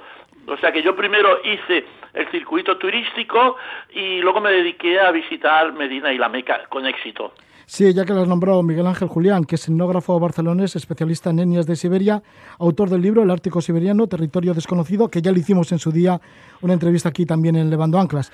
Total, que sí, que llegas allí a, Re- a Riad, la capital de Arabia Saudita, pero claro, como contabas con Miguel Ángel, que iba a compartir contigo los gastos, ahí te viste que el presupuesto no te llegaba demasiado. No, no, las tres últimas noches tuve que dormir en el aeropuerto y alimentarme de dátiles y de café que dan gratis a- de bienvenida a los pasajeros. ¿Por qué? Porque los hoteles, allí no hay albergues de juventud ni nada de esto barato, ¿eh? El hotel más barato es de 30 a 40 euros y, y buscándolo con lupa. Y claro, te cobran lo mismo una habitación, seas uno o dos o tres o cuatro personas. Se los alquilan a las familias. Al- algunas habitaciones son como suites, con tres camas, una cama matrimonial. Me acuerdo que dormía, que allí cabía todo un harén, el marido con cuatro esposas. Y yo decía, oiga, que yo solamente voy a utilizar unas sábanas, nada, nada, no. Eh, lo máximo que me llegaron a hacer fue un 10%. O sea que cada día tuve que desembolsar eh, de 30 a 40 euros. Yo no estaba acostumbrado a, gastar tanto dinero, ¿no? Ya sabes, me voy a los albergues de juventud o, o a veces duermo, tuve que dormir en mezquitas, la gente es muy amable, como tipo Irán, ¿eh? Son tan amables, a, veces iba a desayunar a un sitio, iba a pagar y me decía, no, aquel señor, y veía un señor con turbante que me saludaba, un árabe decía, no, aquel señor le ha invitado, esto más de una vez, o iba caminando por la calle y me paraban, oiga, ¿quiere que le lleve a algún sitio? O sea que son así de amables y, con los turistas sobre todo. Pues bueno, primero hice el circuito eh, clásico, me paré en Buraidá para ver eh, el mercado de camellos más grande del mundo, no, no de Arabia, sino del mundo. Es algo exagerado, había miles y miles. Mm, eh, luego también me dediqué a visitar lugares UNESCO, que tiene seis, mm, porque conozco más de 650 de los 1100 más o menos que hay. Me interesan mucho los sitios UNESCO. Y luego ya paré un día entero en Tabuk, porque es una ciudad que conocía de mi primer viaje del año 2000, que me encantó y me volvió a encantar. Es la ciudad más humana que me he encontrado en Arabia, porque Fíjate que no hay metros ni autobuses locales. Allí todo el mundo va con coche o con taxi, ¿no? Y los taxistas casi todos son eh, pakistaníes y muy granujas. Cuando te viene extranjero y tu árabe no es muy bueno, ellos te hablan en inglés y te quieren cobrar más. Pues bueno, mm, eh, me gasté un dineral, pero en, taxis en, todas las ciudades. Sin embargo, en Tabuk no. En Tabuk es peatonal, muchas calles y allí hay eh, un museo dedicado al tren, que era muy famoso y además que lo destruyó el Lores de Arabia, este británico que hay una película interpretada por Peter O'Toole. Es un tren para peregrinos que partía de Damasco en Siria y llegaba a Medina. Pues bueno, mm, allí hay un museo dedicado a él y luego al lado, nada, cinco minutos a pie, que me llevaron en coche los propios empleados, hay una fortaleza donde estuvo Mahoma diez días, con una tropa eh, dispuesta a, enfrentarse a Bizancio, lo que pasa es que al final no se produjo, y bueno, allí, allí pasé un día nostálgico, un día y una noche nostálgica. Y yo luego ya de ahí me fui a la primera maravilla, que es Al-Ula, donde se encuentra Madain Saleh, que es, le llaman la pequeña Petra, que son tumbas de los nabateos, pero de formas fantásticas en medio del desierto. Eh, está muy programado todo, no te dejan libre. O sea, si uno ha estado en Petra y luego va a Madain Saleh, sería una decepción, porque en Petra tú eres libre, puedes si quieres eh, contratar un camello, un caballo, hay cafetería. Allí no, allí te llevan, te dejan 15 minutos en cada eh, parada, no puedes entrar dentro de las tumbas, solo hacer fotos. Es un pequeño desengaño, pero eso no quita la belleza y el esplendor del lugar. Solo Sí, que porque tiene hubiera mucha querido fama, ¿no? tener más tiempo, pero no pudo ser. Sí, dicen que es una de las grandes maravillas que hay en Arabia Saudita, Sí, Mada sí, la- yo diría que la número uno conocí, la- los seis UNESCO, bueno, también un oasis cerca de Daman, el Al- Aqsa, eh, que luego te explico, Mm, pero esta es la, y, y es más bonito que por ejemplo la ciudad vieja de Jeddah, que no, no tiene para tanto, pero Madain Saleh yo aconsejaría, si solamente tienes que visitar un lugar UNESCO, vete a Al-Ula, a Madain Saleh, y además es una parada también del tren del peregrinaje, el que destruyó el terrorista este, que, que lo odia mucha gente, dicen que estaba medio loco y, y mataba a muchos turcos a, a sangre fría, eh, de la película de Lores de Arabia. Bueno, pues mm, esta fue mi, mi, mi mejor visita. Y luego ya de allí, haciendo otro stop, porque veía que se me iba el dinero, el precio del autobús es casi un poco más barato que en España, pero los hoteles, ya te digo, de 35 a 40, por eso que a veces cogía autobuses nocturnos. Y en Al-Ula hice autostop, me llevaron, y era un señor que pertenecía, estaba jubilado, pero había estado en el, en el Ministerio de Asuntos Interiores.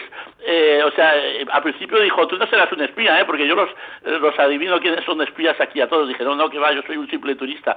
Y dice, pues te voy a ayudar. Él vivía en un palacio de medio pelo, no era espectacular, pero bueno, era un palacio, tenía sirvientes de Kenia, todos negros, la cocinera, la mujer, la moza de la limpieza, el chofer tenía dos coches y un coche también creo que era de Tanzania y, y bueno y en- entonces este hombre me ayudó. Lo primero que me hizo mm, fuimos a una tienda de, de, atuendos de, de chilabas y me compré una me compré una y un gorrito. Dice con esto dice mm, si te preguntan tú simplemente di que Alá es grande y Mahoma es su profeta una frase que conozco eh, la ilaha illallah, eh, o sea, no dices Alá Akbar y ya es suficiente Alá Akbar Eh, pero nadie me preguntó nada porque iba muy bien disfrazado Fui con él, no fui solo. Mi idea era ir solo, pero ya que me ayudaba este hombre, ¿por qué no?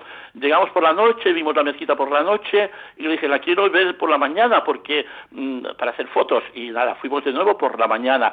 Y nada, allí pues, como en todas las mezquitas, me recordó un poco a la mezquita de Córdoba, ¿eh? tiene bastante parecido, la, la de Medina. Ojo que en Medina es donde murió Mahoma. Nació en la Meca, pero murió en Medina. Y allí está, le llaman la Green Dome, o sea, la cúpula verde, donde está él y dos de los cuatro califas.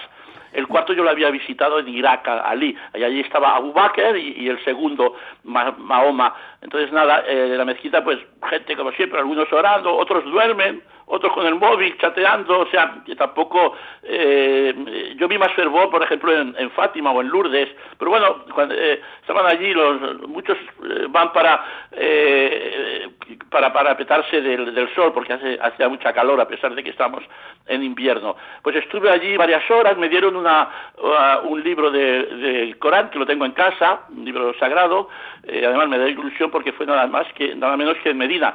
Y después de esto el hombre me llevó a otro pequeño palacio mm, que tiene también de medio pelo, mi habitación era como un museo con alfombras, ta- tapices y cosas antiguas por todas partes, en Jeddah.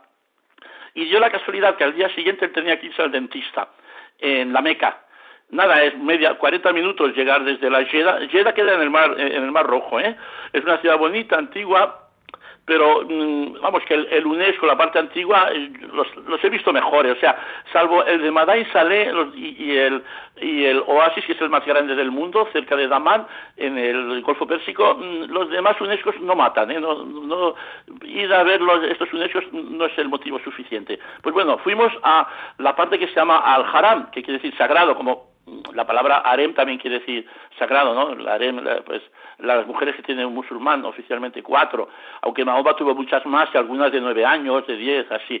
Bien, pues entonces llegamos, no hubo ningún control, a veces veías los letreros, foreign, en inglés, ¿eh? en árabe y en, y en inglés, foreigners cojan esta de desvío para que no entres en la Meca, porque yo intenté ir en tren en el AVE, en el conocido AVE de la Meca, y no me vendieron el billete, me dijeron, no, porque como pasa por la Meca y está prohibido a los infieles, porque ellos llaman infieles al que no es musulmán, a pesar de que Mahoma dijo que eh, el que los que son del libro, es decir, de la Biblia, cristianos y hebreos mm, son también gente creyente, pero bueno, luego eh, degeneró la palabra y ya era infiel es todo aquel que no sea musulmán, por lo tanto yo para ellos era musulmán por ser cristiano, ¿no?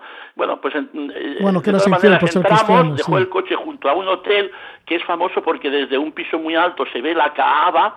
Ojo, no la toqué yo la Kaaba, no, mm, no me dejaron, no me dejaron tocar la Kaaba, eh, pero sí que se ve desde el hotel. Entonces bajamos abajo a la explanada y dentro de la mezquita, pero eh, nada más, eh, no era un día de Hajj y además había un control por el COVID, por la, variante del Omicron y todo el mundo debía de tener en el pecho una tarjeta que te emitían, yo no la tenía, entonces no pude penetrar en muchos sitios, pero bueno, el hecho de haber estado Mientras él se fue al dentista, que estuvo unas tres o cuatro horas, yo lo pasé todo ese tiempo en, en, en la zona sagrada eh, de la mezquita y cuando él vino, pues me, volví para Jeddah.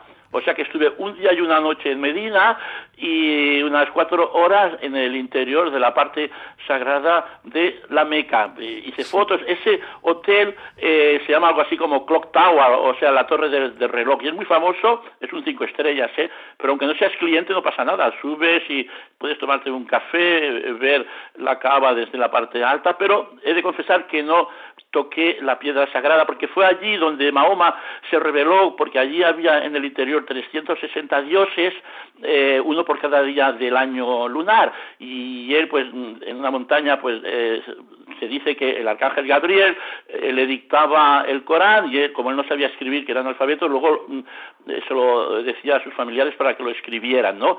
Y en esa, mm, eh, que es un cubo, es negro por el tapiz, los tapices negros, pero creo que no se puede entrar. Yo ni siquiera lo intenté porque es que ni siquiera llegué cerca de la cava. Pues fue allí él, Mahoma, que lo persiguieron porque él estaba en contra de, de esa creencia de los 360 dioses, que se fue a Medina con sus seguidores y luego eh, consiguió un ejército y eh, conquistó la ciudad de la Meca y declaró esa la Kaaba como el centro del mundo musulmán. Por eso todo el mundo cuando hace la oración eh, se dirigen las plegarias hacia hacia la Kaaba, la piedra sagrada.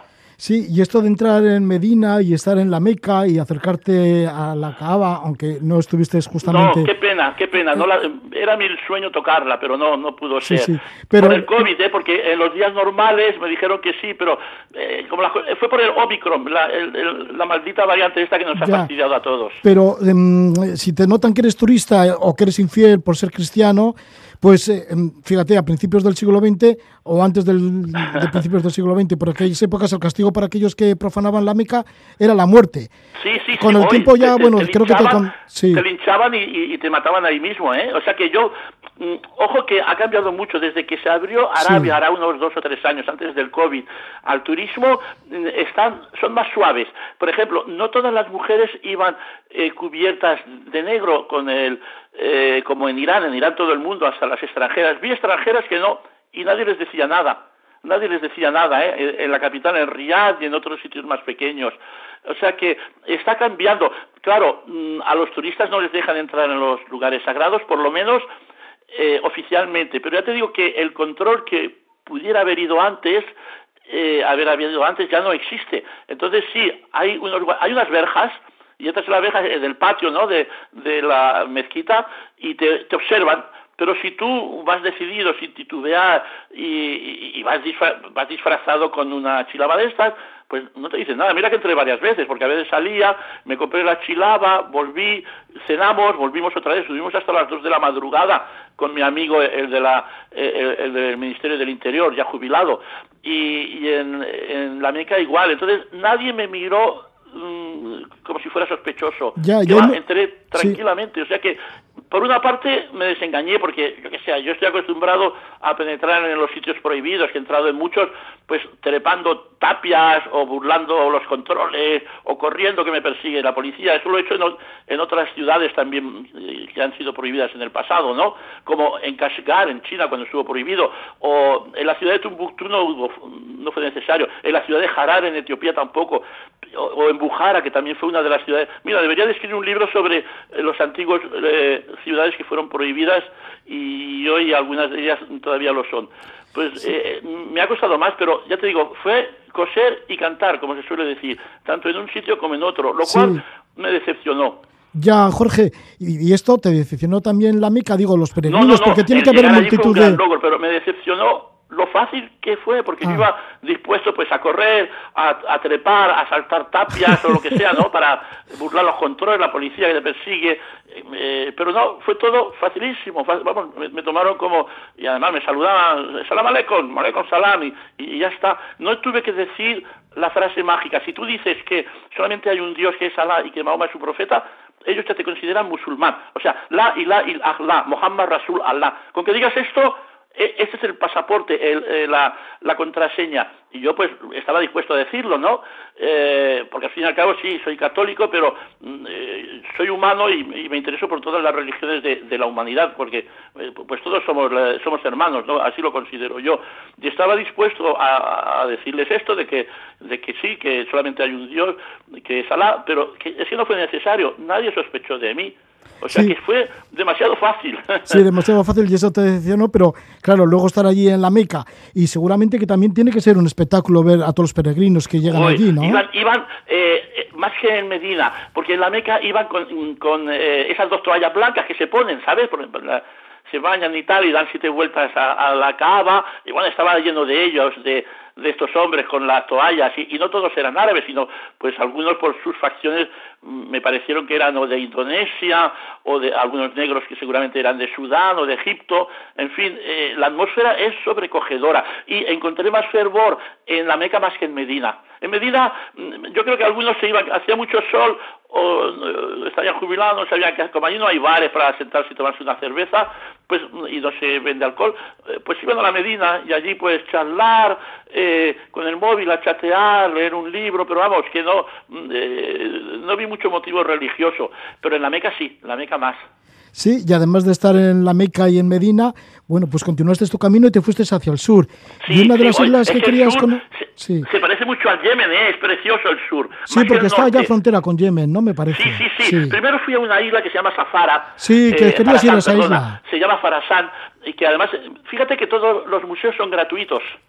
son tan generosos. En cualquier mezquita puedes dormir, puedes comer dátiles gratis, beber té, hasta pepsicolas y todo esto. Todo está a tu disposición gratuito. Y el barco, que tarda una hora y media, a la ida y a la vuelta también era gratis. Yo me quedé sorprendido, ¿no? Porque tú vete a Mallorca desde Barcelona o desde Valencia y te cobran, o a las Canarias. Allí es gratis, muchas cosas son gratuitas.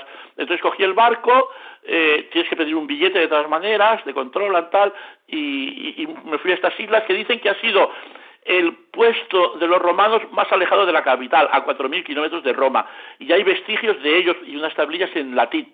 Mm, eh, también decepcionantes porque son cuatro piedras y bueno te dicen que sí que estuvieron ahí los romanos pero no hay más evidencias que, eh, que estas. Pero luego fui a una ciudad que se llama Najran bueno antes había estado en Nava y en otras que vi poblados.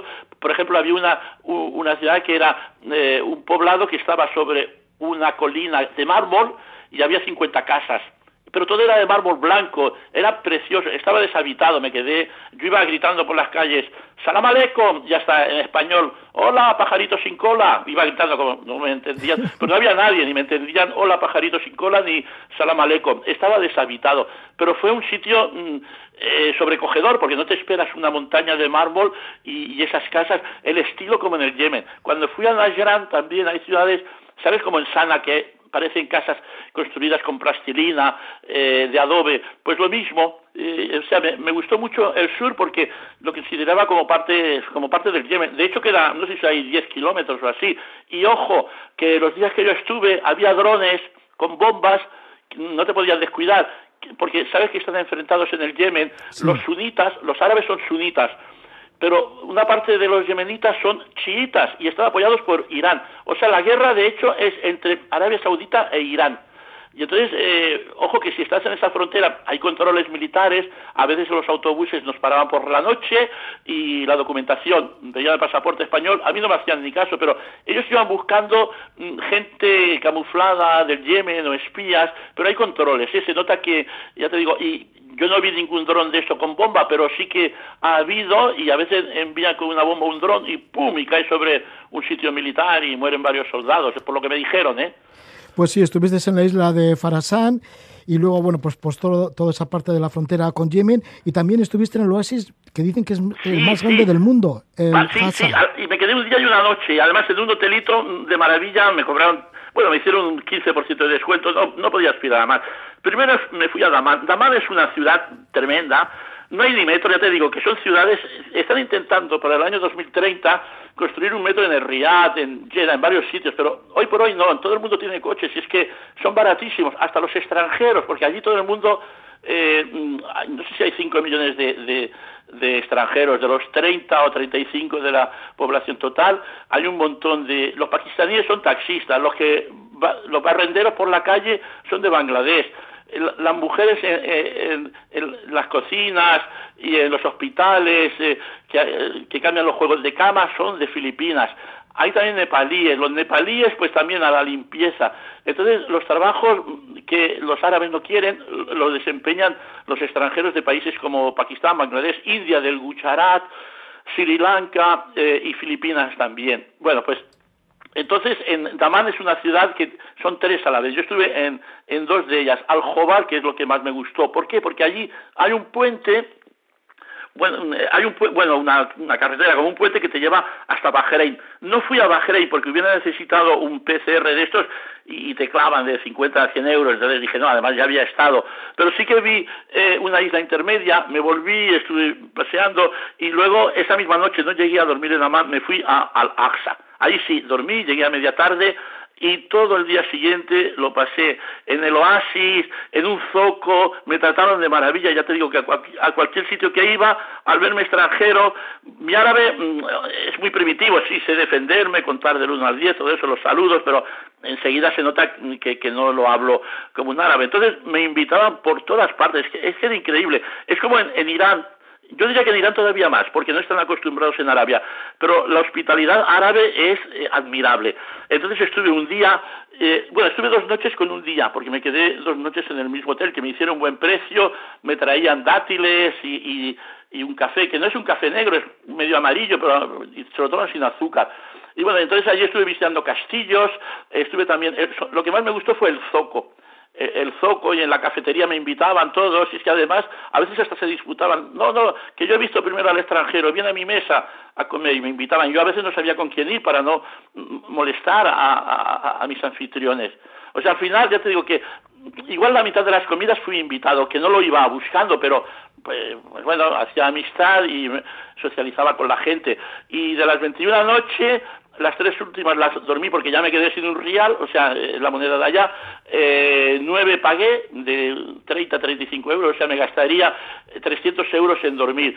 La comida es baratísima, es lo más barato que hay, eso sí que es verdad. El transporte es como en España, pero casi la mitad hice autostop. Y luego el único tren que cogí, porque no me dieron permiso para el tren de la Meca, el ave de la Meca, bueno, me cogí el de Riyadh hasta Damán y di vuelta, comparada en Al-Aqsa donde está este oasis, y el tren era español tipo talgo, y eh, en el vagón donde iba, precisamente, eh, éramos la capacidad de unas 30 personas lleno, y lo conté, 27 mujeres y 3 hombres, no- todas de negro, y me puse a tatarear para mí una canción de Los Salvajes que conocía cuando era niño, no sé qué pasa que lo veo todo negro, que es una copia de los Rolling Stones, eh, sí. Painted in Black.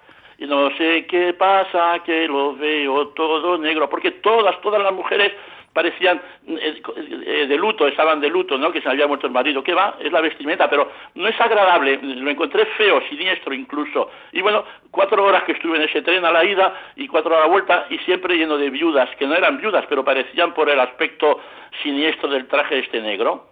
Ya, y luego, pues para terminar, sí que te quedaste, ya como no tenías ni un real, tres días durmiendo en el aeropuerto. Ya te digo, nueve noches pagué, las tres últimas noches en el aeropuerto, eh, tres, eh, o, o sea, las demás, tres en mezquitas, alimentándome de, dátiles que dejan a, a los fieles. Yo decía, iba Salam Aleikum y me acostaba tranquilamente si alguien me decía algo, Alá Akbar, o sea, Alá es grande y listo, y, y me hacía amistad. Si es que solamente necesitas aprender esas frases, Alá, o sea, Dios es grande, y, y listo, y te toman como uno de ellos. Son tan amables, nadie desconfía, no tienen mala fe los árabes. A veces preguntaba una dirección a alguien, yo no sabía si era eh, de qué nacionalidad era, ¿no? pero se veía que era extranjero, y enseguida me venía, el árabe lo conoces porque va vestido de blanco y, y con, eh, con- con el gorro ese, una cinta que tiene en la cabeza, y me decía, what are you looking for? O sea, en inglés, ¿qué estás buscando? Ah, pues para ir allí. Y ellos a veces tenían un coche y dice, vete conmigo. Y cogían su coche, por ejemplo, esto me ha pasado varias veces. La primera vez en, en, en la misma ciudad de Riyadh, luego otra vez en Jail, que todos los museos son gratuitos, pero hay algunos que están dentro de unos palacios preciosos, de medievales. Pues nada, el hombre cogía el coche y me llevaba, adiós, adiós, eh, va salama, shukram, que se dice gracias. Y bueno, lo, he- lo he pasado muy bien en ese aspecto, pero Sí. mm, económicamente ha sido un desastre. Me vine con una mano por delante y otra por detrás. Bueno, pero por fin estuviste por segunda vez en Arabia Saudita, lo has vivido, has estado por allí de- durante tres semanas Sí. y te han mimado mucho los árabes, allí en los Oh, locales sí, de. Arabia Saudita, así que lo has disfrutado un montón. Jorge, seguramente que será algún capítulo de algún nuevo libro tuyo. Y hay que decir, hay que recordar que llevas ya 29 libros publicados. El último lleva el título de Siete viajes a China, que acaba de eh, publicarse, de editarse, con tu experiencia en 34 provincias, en las 34 provincias chinas. Para conseguir el libro o para cualquier otra información tienes tu página que es www.jorgesánchez.es. Muy bien, Jorge, pues muchísimas gracias por eso, por hablarnos de viajes y por habernos hablado de tu experiencia en Arabia Saudita, conociendo, entre otros, la Medina y la Meca. Que vaya todo muy bien, muchísimas gracias. Y gracias a vosotros.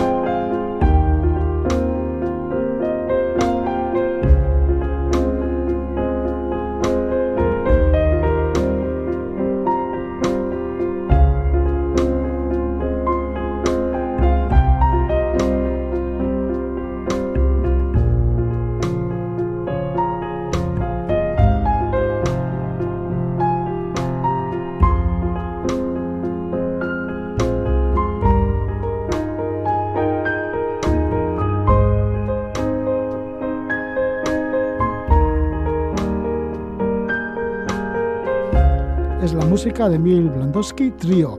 Nos vamos a acercar a lugares bastante extremos del planeta, en donde todavía están los pastores, los pastores nómadas. lugares pues bien distantes, pues puede ser Namibia con los Jimba, los guaraní en la selva de Ecuador, o los pescadores nómadas de Malasia, o los pastores de reno en las montañas del norte de Mongolia. Hasta allí ha ido a su encuentro Nathalie Hala. Ella nació en Linz, en Austria, en el año 1975. Es documentalista. Trabaja como abogada de Derecho Internacional y al mismo tiempo ejerce de realizadora de documentales sobre temas sociales e incluso tiene algunos sobre deportes extremos. Nos vamos a referir en concreto a la película documental de Samans Nismer, la pesadilla de los chamanes. Es un viaje cinematográfico a cuatro pueblos indígenas a cuatro puntos distantes de nuestro planeta. Así como decíamos, pues a la selva del Ecuador con los guaraní, los nómadas del mar en Malasia, los jimba en Namibia y los pasteros de reno pues en las montañas del norte de Mongolia. Hay que decir que esta película pues se presentó en el Mendifil 2021 en Bilbao y también en otro tiempo Natalie Jala pues ganó un premio en el Mendifil fue en el año 2018-2019 con el documental La vida en los cuatro elementos sobre deportes así como bastante extremos. Le damos la bienvenida a Natalie, que por cierto nos escucha desde Salzburgo, en Austria. Natalie, bienvenida, muy buenas noches. Muy buenas noches. Eh, Natalie, ¿por qué te has interesado por los pueblos nómadas en esta película documental? Am, yo creo porque en el fondo yo misma, por, por mi alma o mi forma de ser, me siento un poco nómada. Eh, con 16 años ya viví un año en Rusia, he vivido en muchos países y siempre me he interesado por, por otras diferentes culturas. Y los, las culturas de los pueblos indígenas me, me interesan especialmente porque yo creo que es lo, es lo que menos sabemos de esos pueblos. Y bueno, mm, pueblos nómadas indígenas es aún, aún más fascinante mm, para mí. Sí, y en esa vida que llevas de nómada, pues sí que has vivido en Rusia y también en otro tiempo estuviste en Lima. Allí sí que hiciste un documental y te fuiste hasta la selva. Eh, Sí, ah, fue mi primer documental em, que, que hice con Fito Plaza, que por cierto es del, del País Vasco. Y mm, eh, fue un documental sobre, sobre la cadena de, cocaína. Am, y y mm, los, los protagonistas eran en principio mujeres, mujeres eh, que eran delincuentes, pero a la vez eran víctimas. Y yo quería poner ese enfoque sobre todo en el tema de las víctimas, porque en la, cadena de la droga, pues eh, no es blanco-negro, sino, sino los que acaban en la cárcel a la vez son, en mu- muchos casos, gente que ha sido obligado a hacer ciertas cosas o son, son víctimas ellos mismos de su propia pobreza. Y bueno, de eso hice el docu ta- eh, hace muchos años, hace 12 años creo. Sí, sí, que fuiste En- en becada por las Naciones Unidas para ir a Lima y estuviste allí y tu primer trabajo se llamó Druid Mothers y eso, pues tuviste acceso a cárceles peruanas y luego te internaste en la selva eh, con el tema del cultivo de hoja de coca y de muchas cosas más y el tema de los narcotraficantes y demás. Bueno, así que sí, que te gustan las, las culturas y también los temas sociales porque tienes algún documental en el que tratas también sobre la migración. Y esto también lo has vivido en tu propia familia, ¿no? El tema de la migración. Eh, exactamente, es, es uno de mis últimos documentales, se llama Nowhere, y en este documental cuento la, historia de mi hermano. Tengo un hermano adoptado de Vietnam, quien eh, se re- refugió en barco, en un pequeño barco, eh, cuando él tenía solo nueve años y sobrevivió de, milagro eh, esta huida. Estuvo dos semanas perdidas en el mar y bueno, está contando su historia porque en el fondo se repite ese destino de refugiados, se repite ahora en, en, el destino de los refugi- refugiados que vienen hoy día tanto a Austria como a España como a Italia. Y no no me resulta no puedo resul- resultarme indiferente. Para mí es una gran pena como como se trata esta gente como se intenta negar esa situación eh, olvidarse de la gente en los campos de refugiados Em, yo creo que es una vergüenza para muchos países nuestros que, no son tan pobres y que no no tienen derecho a decir que el barco está lleno porque porque viene gente que realmente viene de situaciones lamentables y viene huyendo de guerras y, y mi opinión es que esta, hay que ayudar a esta gente. Y a mi hermano, por ejemplo, ahora es médico y es un médico muy reconocido y tenía esa opción porque porque en su momento le, le, ayudamos nosotros porque formó parte de nuestra familia y pudo estudiar y, y no no fue olvidado en algún campo de refugiados en, en algún país de mala muerte. Y por eso yo creo que cuando das a una persona la una una una segunda op- oportunidad en su vida pues muchas veces luego da puede dar mucho mucho de vuelta porque nuestro hermano el médico ahora es nos ayuda a todos y hasta trató a mis gentes que tenían covid les trató y les ayudó y bueno salió todo bien Sí, pues fíjate, es, es bueno tener un médico en la familia. Y ahí está tu hermano vietnamita, Ngoc, que así se llama, y que huyó cuando tenía 8 o 9 años de Vietnam, no tenía padres, huyó de allí y se lo pasó fatal porque estuvo a punto de morir cuando iba por la mar y así. Y tus padres le sacaron de un campo de refugiados. Y ahí también reflejas un poquito ese tema y el tema de la migración, de los que salen de la guerra de Siria y demás. Pero también tienes otro documental sobre otro hermano que te ha influenciado, como es Felipe. Pero este es eh, La vida en cuatro elementos, que tuvo un premio en el Mendifil, en el cual te vas a los deportes extremos, porque tu hermano Felipe hace salto base. O sea, se tira Ah, sí. a volar con, con traje de alas. Sí, sí, desgraciadamente. Sí. Y por eso hice ese documental, porque yo necesitaba entender por qué una persona está capaz de arriesgar su vida por, por algo que al final es un deporte. Pero em, yo en- entiendo más el por qué tiene que hacerlo. O bueno, ahora ha dejado, hace todo tipo de cosas extremas y volando, pero ya no hace salto pase porque tiene dos hijos ahora y, y, y bueno, quiere ser un poco más un padre responsable y por eso, am, eh, gracias a Dios, lo, lo, ha dejado. Pero durante muchos años nosotros, la familia, va, vivimos ese, es, esta pasión suya eh, con mucho miedo. Sí, desde luego que sí. Bueno, pues también lo reflejaste en un documental. Y yendo a la pesadilla de los chamanes, el último que se está proyectando, mm, eh, ¿por qué fuiste a puntos tan distantes de la Tierra y cómo hiciste la logística para ir de un lugar a otro? De la selva de Ecuador a, a Namibia o, por ejemplo, a los mares de Malasia o al norte de Mongolia, a las montañas en busca de los pastores de reino. ¿Cómo lo hiciste para, para hilvanar todo ello? Bueno, la elección eh, era ya, yo quería ir a cuatro sitios muy, muy diferentes porque quería comparar, quería ver qué paralelos, paralel, situaciones paralelas hay y qué filosofías y formas de ver la vida paralelas hay entre esos diferentes pueblos indígenas. Y yo, como les, para luego poder distinguirles en el documental, les elegí como por, por color, digamos, eh, el color del agua azul eran los, el pueblo nómada del agua y luego el color blanco en Mongolia, el color ocre en, en eh, de los Nimba y el color verde de los uh, Waorani. Esa era como una cosa que me pre- predeterminaba para elegir cuatro sitios muy, muy diferentes. Y bueno, luego eh, yo hice cuatro viajes. He hecho cuatro viajes, siempre volví, digamos, a Austria y luego estuve unos meses en Austria luego volví a otro sitio. Y sí, los viajes han sido muy, muy largos y, muy complicados. Y de hecho, una querida amiga mía, Naya, ah, y Ila, un buen amigo, am, que son del País Vasco, vamos, que viven en el País Vasco en Bilbao, me acompañan a Mongolia. Así siempre tenía gente, era un equipo muy, fuimos siempre fuimos un equipo, equipo muy pequeño, pero nunca viajé ah, sola, siempre acompañada de, amigos y o un amigo. Y los viajes a veces tardaban dos o tres días para poder llegar hasta los pueblos nómadas.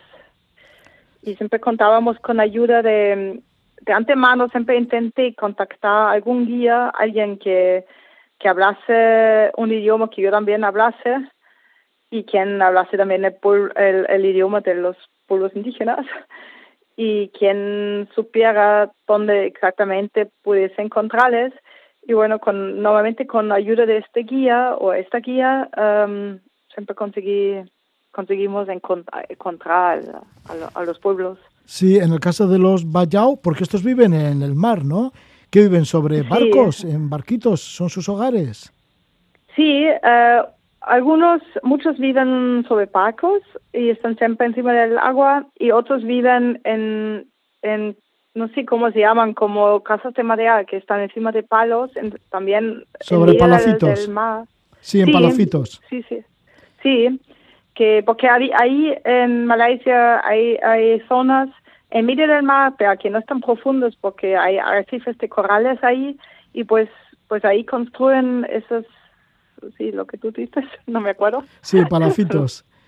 Exactamente, y, y bueno, viven ahí de la, de la pesca y claro, para ir con ellos tienes que tú también coger un barco. Sí, y esto es en la zona de Borneo, en la parte de Malasia. Sí, sí, sí, es la zona de Sabah, Borneo y es como un triángulo entre Indonesia, Filipinas y Malasia. Y ahí vive como un millón, no se sabe porque no hay censos, pero más de un millón de, de, de, personas que pertenecen a la etnia Pa- Payao, los llaman también los gitanos del mar, sobre- supongo porque son nómadas. Y mm, no tienen nacionalidad, eh, ningún país les quiere, ningún país les ayuda y sobreviven solamente con, con la pesca. Y luego está el problema de la sobrepesca por, por los barcos industriales y está sobre todo el problema del cambio climático, porque con el calentamiento del agua se mueren los arrecifes y con eso desaparecen los, eh, lo- lo- los peces. Y esta gente no tiene otro, otra forma de sustento. Natalie, y cada vez que ibas a un lugar de estos, mm, preguntabas por el chamán. ¿Por qué te interesaba estar con los chamanes?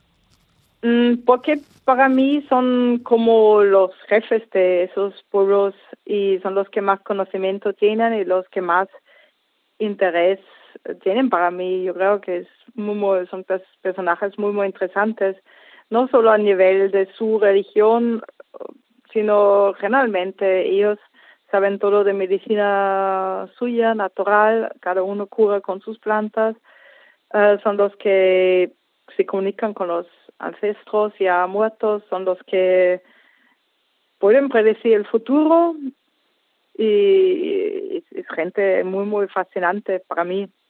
¿Te han contado Yo- algo sobre el futuro que nos espera la humanidad? Ah, bueno, a mí me han dicho que tengo, que voy a tener un buen futuro. ah, muy bien. Bueno, tú ya estás yo salvada no les entonces. pregunté, pero yo estoy salvada. Yo no Sí. sé qué pasará con vosotros. Sí, porque con los Jimba en Namibia, ¿cómo fue el encuentro? Am, sí, fue, fue bueno, pero fue complicado porque tardé como tres días en los cuales tenía que negociar con todos los eh, los, los, los, líderes Simba, que eran todos hombres.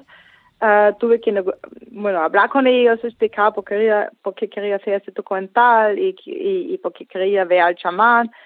Y bueno, mm, yo creo era porque necesitaban coger confianza conmigo y al final eh, les convencí y, y ya pude, me llevaron a sitios donde normalmente no puedes llegar como turista y, y pude filmar ceremonia que realmente era con los altos eh, líderes de los Simbas y fue, luego al final salió, salió todo bien, pero bueno, cada, de, cada uno de esos viajes tiene sus, sus complicaciones y sus sorpresas, por supuesto.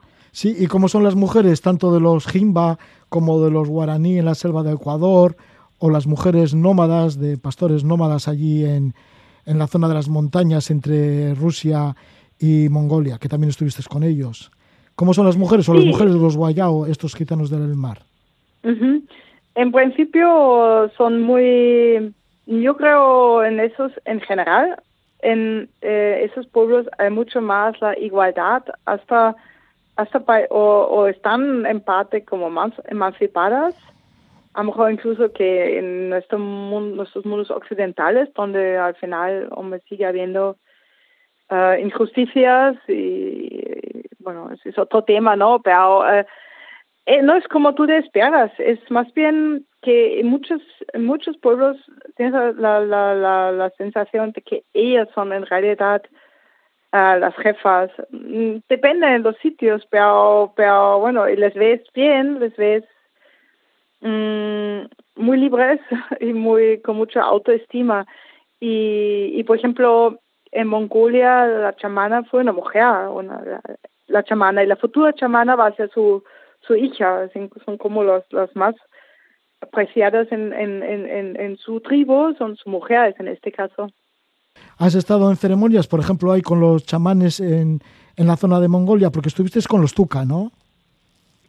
Eh, sí, exactamente. Sí, pude filmar una, una ceremonia auténtica y ya fue muy, muy, muy fascinante, la verdad. ¿Cuáles son las conclusiones que se puede sacar después de estar en cuatro puntos distantes de nuestro planeta con eh, tema de los indígenas, con gente que todavía vive directamente con la naturaleza? ¿Cuál es la conclusión que puedes sacar de todos ellos?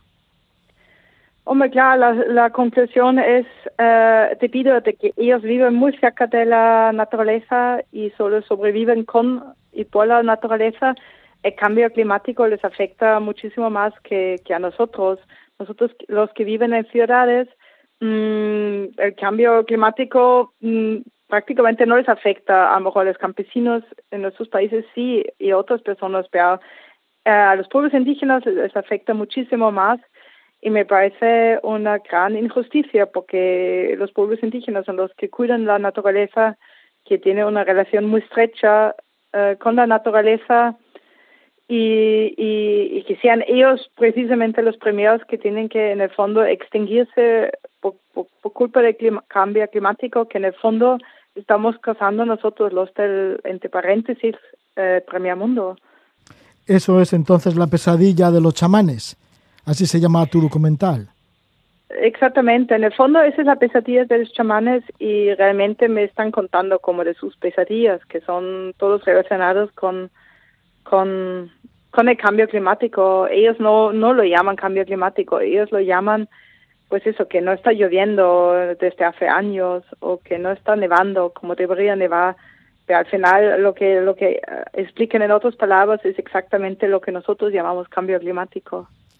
Pues ahí está ese documental de Samans Nichmuer, La pesadilla de los chamanes. Su directora es Natalie Hall. Ella nació en Linz, en, Austria, y nos habla de Salzburgo, desde este mismo país, desde Austria.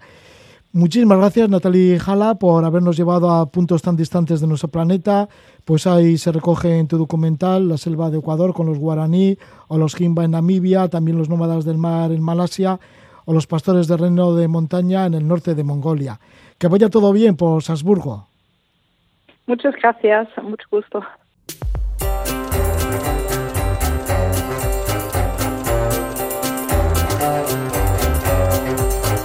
Hemos escuchado a Natalia Jala desde Salzburgo, ahí en los Alpes austriacos. Y nosotros pues ya nos vamos yendo poquito a poco, lo vamos a hacer con la música, con la buena voz de Idoya y sus buenas canciones.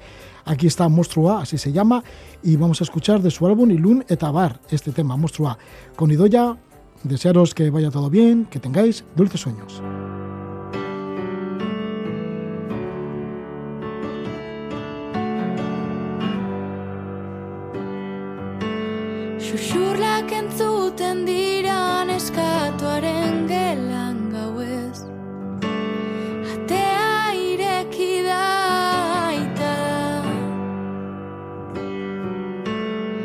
Ia pizteko dioala